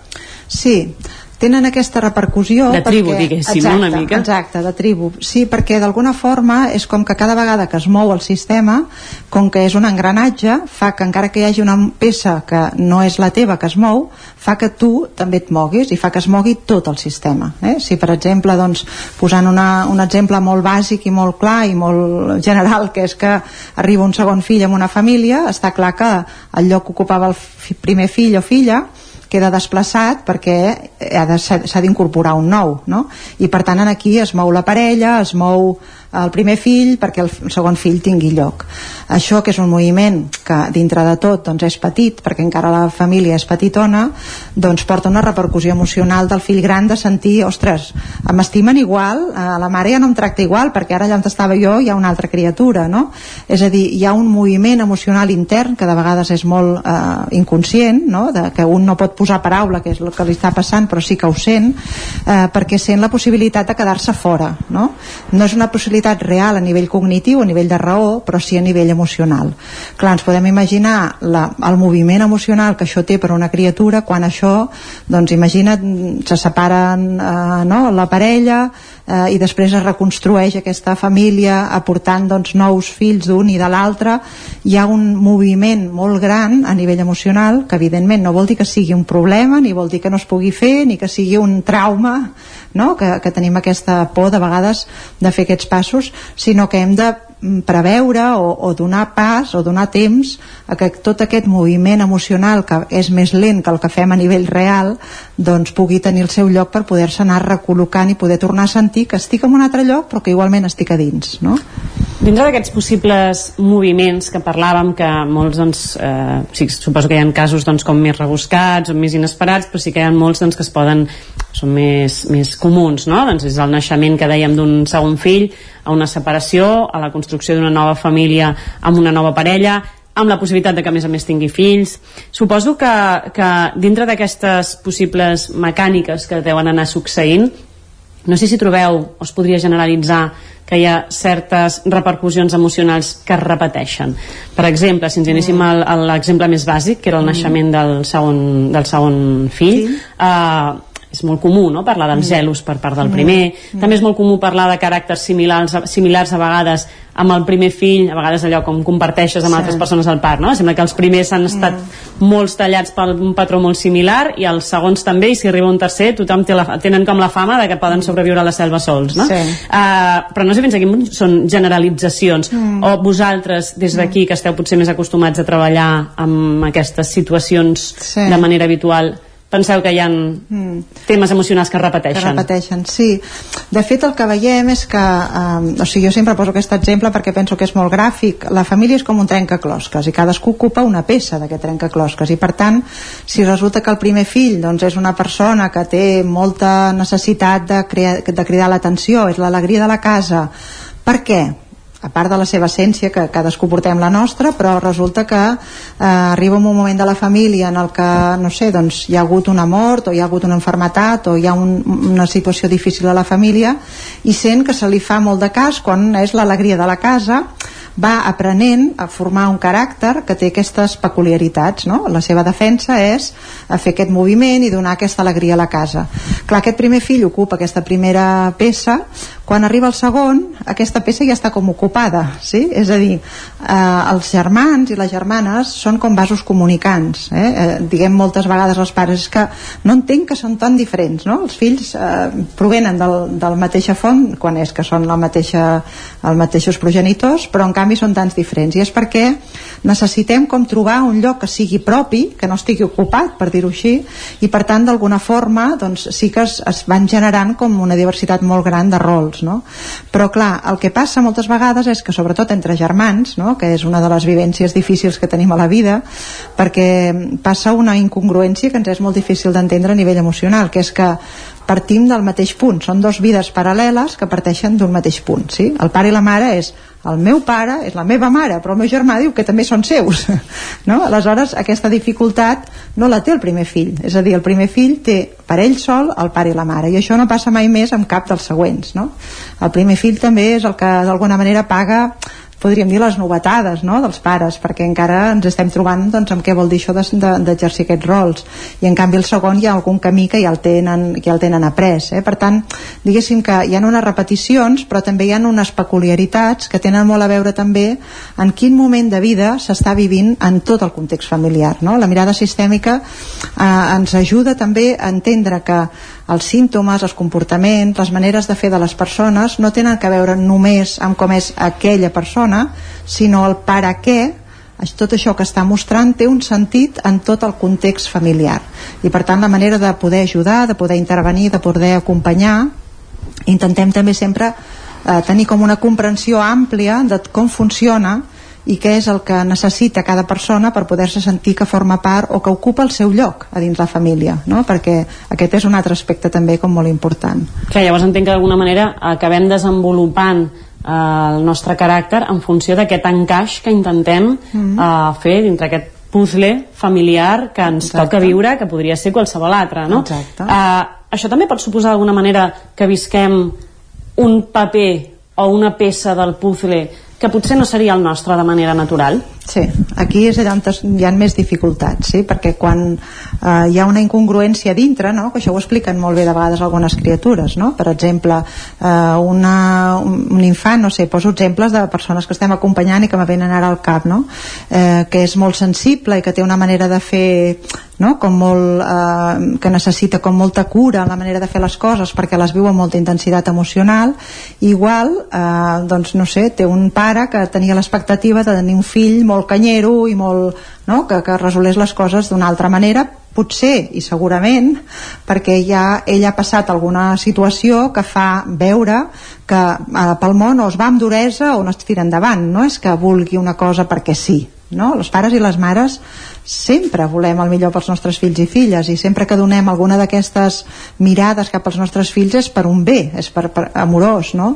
però clar, si, no, si això xoca és a dir, jo necessitava que tu fossis una persona dura i resulta que eh, estàs siguent una persona sensible per posar un tòpic, eh, que no seria mai tan, tan despullat, però per entendre'ns eh, clar, aquella criatura sent que no, no, no sent una bona mirada de, del pare cap a ell i per tant és com no, no, no acabo de ser el que el pare necessita que jo sigui i potser començaré a intentar no, fer coses més dures perquè així el pare estarà content de mi però no em sortiran bé perquè no té que veure amb la meva essència no?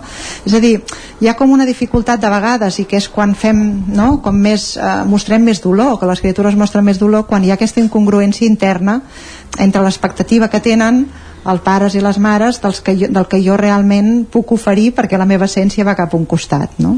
Suposo que és molt difícil des de la part de, de les persones que eduquem ser conscients de fins a quin punt estem projectant aquesta, aquest forat de puzzle cap a cadascun dels nostres fills, no? com dient a tu et toca aquest i, a tu, i segurament ho fem molt més del que ens adonem no sé com podem, entenc o, o ara des de la manera que m'ho expliques ho veig com una cosa negativa, no? perquè és com mm. que els hi estem ja marcant aquesta és la teva parcel·la no ho saps però aquesta és la teva parcel·la i d'aquí no et pots moure no et pots moure no sé com podem fer d'alguna manera per flexibilitzar o diluir una miqueta aquestes fitxes de puzzle mm. perquè ells puguin ser una mica més ells i elles perquè entenc sí. que si no després a la llarga això no, de, no ha de ser massa positiu, no? Ser, fer un paper que no és el teu per naturalesa. Sí, m'agrada molt que facis aquesta pregunta, Maria, perquè també és veritat que mm, es pot viure com a negatiu perquè provoca dolor, però, però no ho és negatiu, és a dir, és una manera de créixer, és una manera de fer-nos el lloc al món i és unes, són unes estratègies que són defensives i que per tant ens serveixen per, per sortir-nos en endavant, sí? Uh, el que passa és que quan un creix i un es fa gran i un pot veure una miqueta quins són els aspectes que li serveixen i els que no a la vida, eh, estan aquí el nostre repte també de poder prendre consciència de que jo tinc la habilitat de fer servir aquesta defensa eh, i que de vegades potser m'ha salvat i, i per tant me va bé de continuar fent-la servir però que de vegades potser la utilitzo i no caldria sí? és a dir, quan nosaltres parlem de creixement personal vindria a ser una miqueta aquesta, no? quan parlem d'educació emocional és com poder-nos fer conscients de quines són les eines que hem après a fer perquè ens han servit de petits i això no és negatiu encara que de vegades ens porta dolor perquè ens dona una manera d'estar al món sí? i tothom, absolutament tothom tenim el nostre caràcter, sí? per tant aquestes estratègies que donem als pares i les mares als fills i les filles no són negatives encara que de vegades els hi portin dificultats no? Eh, un ha de poder-se enfrontar també una miqueta amb com s'espavila a trobar la manera de tenir una bona mirada perquè necessita trobar un lloc al món i això s'aprèn primer a la família sí? eh, el que passa que quan això puja molt de volum o això realment m'està com, començant a ser com difícil de poder assumir a nivell personal és quan hem de veure potser que els pares o les mares han de poder també fer algun treball ells o elles no? perquè igual si seguim amb aquest exemple que posava abans potser el, el fet, i això és una mica el que fem en la teràpia sistèmica donant-se compte que amb la bona intenció de que jo estic dient al meu fill eh, respon dur perquè així te'n sortiràs bé la vida perquè jo igual era sensible com tu i he pres a posar-me una cuirassa quan jo me'n dono compte d'això uau, no? Potser puc entendre com és que jo vaig ser dur i mirar enrere dels meus pares i poder-los agrair que em van donar aquestes eines que, però que potser en la situació que està visquent ara el meu fill no li calen aquestes eines que a mi em van caldre i que els estic com demanant amb ell. No sé si veus una mica la cadena que no és tant ni generar culpa ni pensar els pares ho fem malament. Els pares i les mares ho fem tan bé com sabem perquè és molt difícil. Però som la primera generació i això també m'agrada molt com insistir-hi no? que tenim el privilegi de poder estar pensant i parlant ara de tot això eh, sense haver-ho d'actuar d'una forma automàtica com han hagut de fer els nostres pares eh, i mares no? i per tant no es tracta de generar culpes ni de veure els fills com si fossin de vidre i que pobrets el que els estic fent, ni molt menys eh, sinó que es tracta de poder anar millorant com a espècie, per dir-ho així i donar-nos compte de que així com els animals eh, moltes espècies actuen per repetició doncs nosaltres potser estem com no, creixent de, de consciència i podem començar a fer les coses diferents sense la dificultat que això representa fer diferent del que m'han ensenyat els meus pares no? perquè això ho veiem per exemple fent de mares dius això jo no ho faré no? com la mare quantes I, vegades oh, hem dit aquesta frase això no, no ho faré jo quan... i, i patapam, de, de quatre grapes clar, eh, em sembla clar, perquè ho portes inherent no? perquè no ho has après sinó que ho has pres ho, has, ho portes com inscrit no? fins a quin punt l'adolescència seria com un primer intent de, de sortir d'aquest espai que, que sí. t'han marcat, no? Sí, tal qual, és així, així sí. Quan diguem, uh, no, no, no, el meu fill o la meva filla perfecta perquè no ha passat aquest punt d'adolescència, uh, doncs mau, no? Perquè fa falta per poder créixer, sí? Uh, hi, ha, hi ha persones adultes que continuen estant a sota el paraigua del pare i la mare perquè no han pogut fer aquest trencament que clar, hi ha moltes maneres de fer-ho i, no, i de vegades l'adolescència i, no, i ara ho comentàvem que és una edat difícil, és una edat que fer aquest trencament és dolorós perquè eh, se sent com, i això les hormones ajuden molt a fer-lo perquè et donen aquest impuls de, de tenir aquesta força i d'anar cap en fora però no deixa de ser una por molt gran que tenen els adolescents de fer aquest pas no? és com deixar la cova, deixar la sensació d'estar cobert anar-te'n una mica a la selva no? i per tant eh, és, un és un moment difícil però bastant clau en, en l'evolució no? de, de les persones i que, bueno, que, que està, està sent cada vegada jo crec que això sí més complicat perquè es comença molt d'hora moltes vegades massa d'hora no? eh, hi ha una pressió social eh, no? Consumista i, i, i, i de la nostra societat que fa que l'etapa de la infància sigui molt curta i que la de l'adolescència duri moltíssim. I això no és bo, no és sa perquè posa les criatures en una situació de molta vulnerabilitat que s'han de buscar eh, tribus fora de casa eh, i, i posar-se en mans de persones que no coneixen ni saben molt bé el què i provoca situacions eh, que són més de perill, no? de més d'incertesa i ells la viuen amb, amb molta dificultat. Què, què, què creus que és el que fa que s'avanci d'alguna manera aquesta, mm. aquest moment? No? Eh, això es, mm, es diu molt sovint, no? ara es comença tot abans, però mm. què ho ha fet? Un canvi, doncs, com per exemple els instituts, l'edat dels instituts és un tema quasi natural jo crec que és social, primer, perquè cada vegada més és com que veus, no sé, eh, criatures amb 8 anys que ja volen portar no? eh, una roba que, són, que és de noia o de noi quan encara són nens i nenes, eh, per tant socialment hi ha una pressió molt gran per, per poder fer aquest pas, perquè evidentment es consumeix molt més, això penso que ho hem de saber-ho, i hi ha un tema a nivell d'estructura del sistema educatiu que jo no m'he repetit, no m'he eh, cansat mai de dir-ho i penso que som molta gent en el món educatiu que ho veiem així, que realment el salt de sortir de l'escola en una edat en la que encara són criatures, són nens i nenes i s'han d'anar a enfrontar en un lloc on hi ha persones molt més grans amb la vulnerabilitat que representa una edat en la que sortir no? d'allà on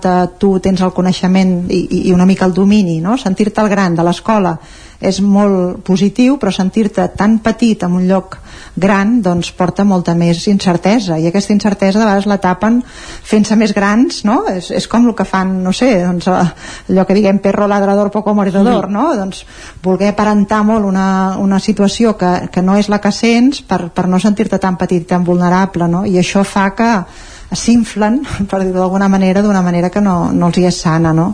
Per tant, aquest, aquest salt jo crec que no, no és una bona estratègia a nivell evolutiu, de psicologia evolutiva de, dels infants, no? I això no ha facilitat, eh, evidentment, perquè són dos anys que són molt eh, difícils i molt crucials no? en, el, en el desenvolupament de l'adolescència. La, Tornant una mica al tema dels, dels sistemes i aquests, eh, aquestes reaccions emocionals una mica que es repeteixen, abans parlàvem del naixement del segon germà, però anant a un altre exemple, una separació, no? Mm. Entenc que també deuen haver-hi eh, reaccions emocionals que deuen ser que es deuen repetir, sigui quin sigui el teu caràcter, no? Mm. Sí, el que, el que veiem a les separacions, que sigui quina sigui l'edat dels infants la viuen, això és el primer que també hem de, mm, com de recordar, no? que de vegades els adults tenim tendència a pensar que com que si els infants són petits les coses no, no, no, no s'assabenten de què és el que està passant i és al revés, o sigui com més petit és l'infant més eh, eh, exposat està en tot el món emocional dels adults perquè encara no ha, posut, no ha pogut posar prou filtre racional com per poder entendre per tant eh, és important poder parlar o poder compartir amb els infants siguin quina sigui l'edat el que s'està vivint a casa, sigui quin sigui el model o el punt en el que ens estem trobant, no? perquè de vegades hi ha pares i mares que, clar, que allarguen aquest procés de separació, tot i que la parella ja estigui eh, acabada, eh, perquè bueno, no hi ha possibilitats d'anar-se'n en cases diferents o pels motius que siguin, i aleshores és com, no ho diguem perquè encara no ho hem fet, no? Eh, jo crec que és molt important que els infants siguin al corrent de què és el que s'està vivint, perquè ells ho perceben. Aleshores, poder posar paraules i poder parlar del que estic sentint és sempre molt millor que no pas quan percebem que passen coses greus i importants però que no tenim el, el què, no? Per tant, aquest és un aspecte que penso que és important. L'altre és com molt eh, també bàsic de poder-los fer saber als infants, als fills i les filles, que la separació de pare i la mare és com a parella, no? Eh, o, o de la, les dues persones de la parella no és com a pares i mares que se separen sinó que és eh, com, a, com a gènere, com a, com a adults que són parella sí? com separar aquests dos conceptes de parella i de pare i mare eh, és important perquè si no de vegades mm, eh, els fills tenen tendència a pensar que potser ells tenen culpa o potser han fet coses que han provocat aquesta separació no? llavors separar aquests dos conceptes crec que és una cosa que també els pot ajudar no? i després també com eh, tenir aquesta sensibilitat de donar temps a que ells puguin treure no? tot el, el, les pors els moviments emocionals que això els hi pugui provocar, la tristor, perquè ells sempre portaran el pare i la mare dintre perquè ells són la meitat de cadascú i per tant dintre d'aquesta mirada és important poder entendre que ells sempre els voldrien junts no? i que per més temps que passi els ja és molt difícil de vegades poder acceptar, poder admetre que al costat d'aquella persona no? de, del seu pare o de la seva mare hi ha una altra persona que no és el que sempre hi ha hagut i que no és el que hi hauria d'haver perquè eh, no és el que em toquen a mi no? i per tant aquests processos de canvi no? que tenen a veure amb un, amb un canvi d'estructura no només de, de cap no?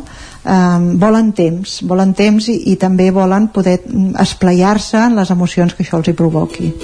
I hi ha una frase que jo sempre dic perquè m'agrada molt, la vaig dir també a la, en la trobada que vàrem fer en el, en el, en l'aula de cultura, no? que és que nosaltres anem pel món amb cotxe però l'ànima va a peu, no? o sigui, la nostra manera de poder pair el que vivim a nivell emocional té un ritme que molt més lent, que va endavant i endarrere, que coses que potser ja pensàvem que estaven superades, després les tornem a mastegar, no? I tornem a haver-ho de tornar a digerir. I per tant, per exemple, una separació és un, és un tema que porta un procés de dol important, no?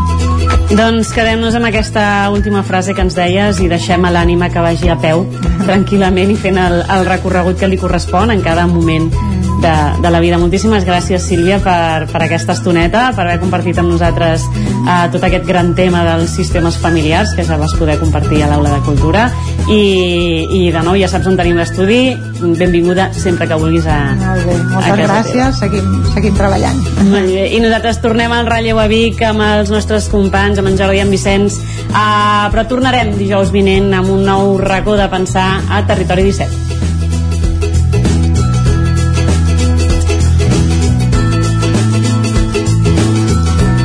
Doncs gràcies, Maria. Uh, avui la Maria havia sigut previsora i havia deixat el racó enregistrat i per això porta tot el matí fent seguiment de, dels fets que, que s'han produït avui a Llinars del Vallès recordem aquesta detenció de quatre agents de la policia local per, im, involucrats implicats en una presumpta xarxa de tràfic de, de marihuana.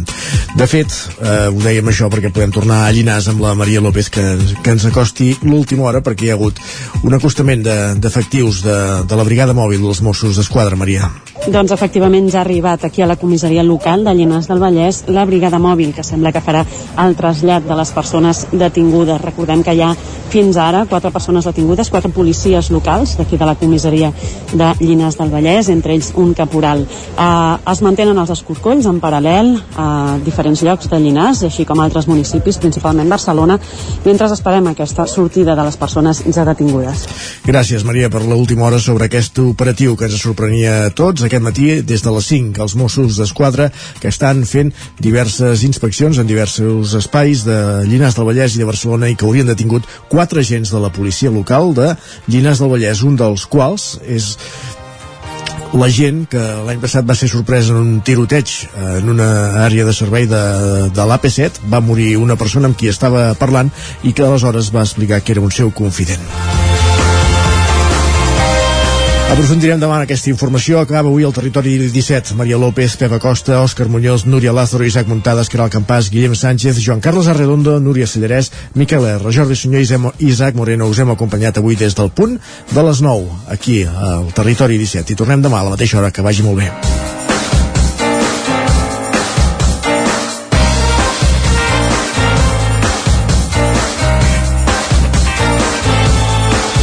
Territori 17, un magazín del nou FM. La veu de Sant Joan, Ona Codinenca i Ràdio Cardedeu amb el suport de la xarxa. El nou FM.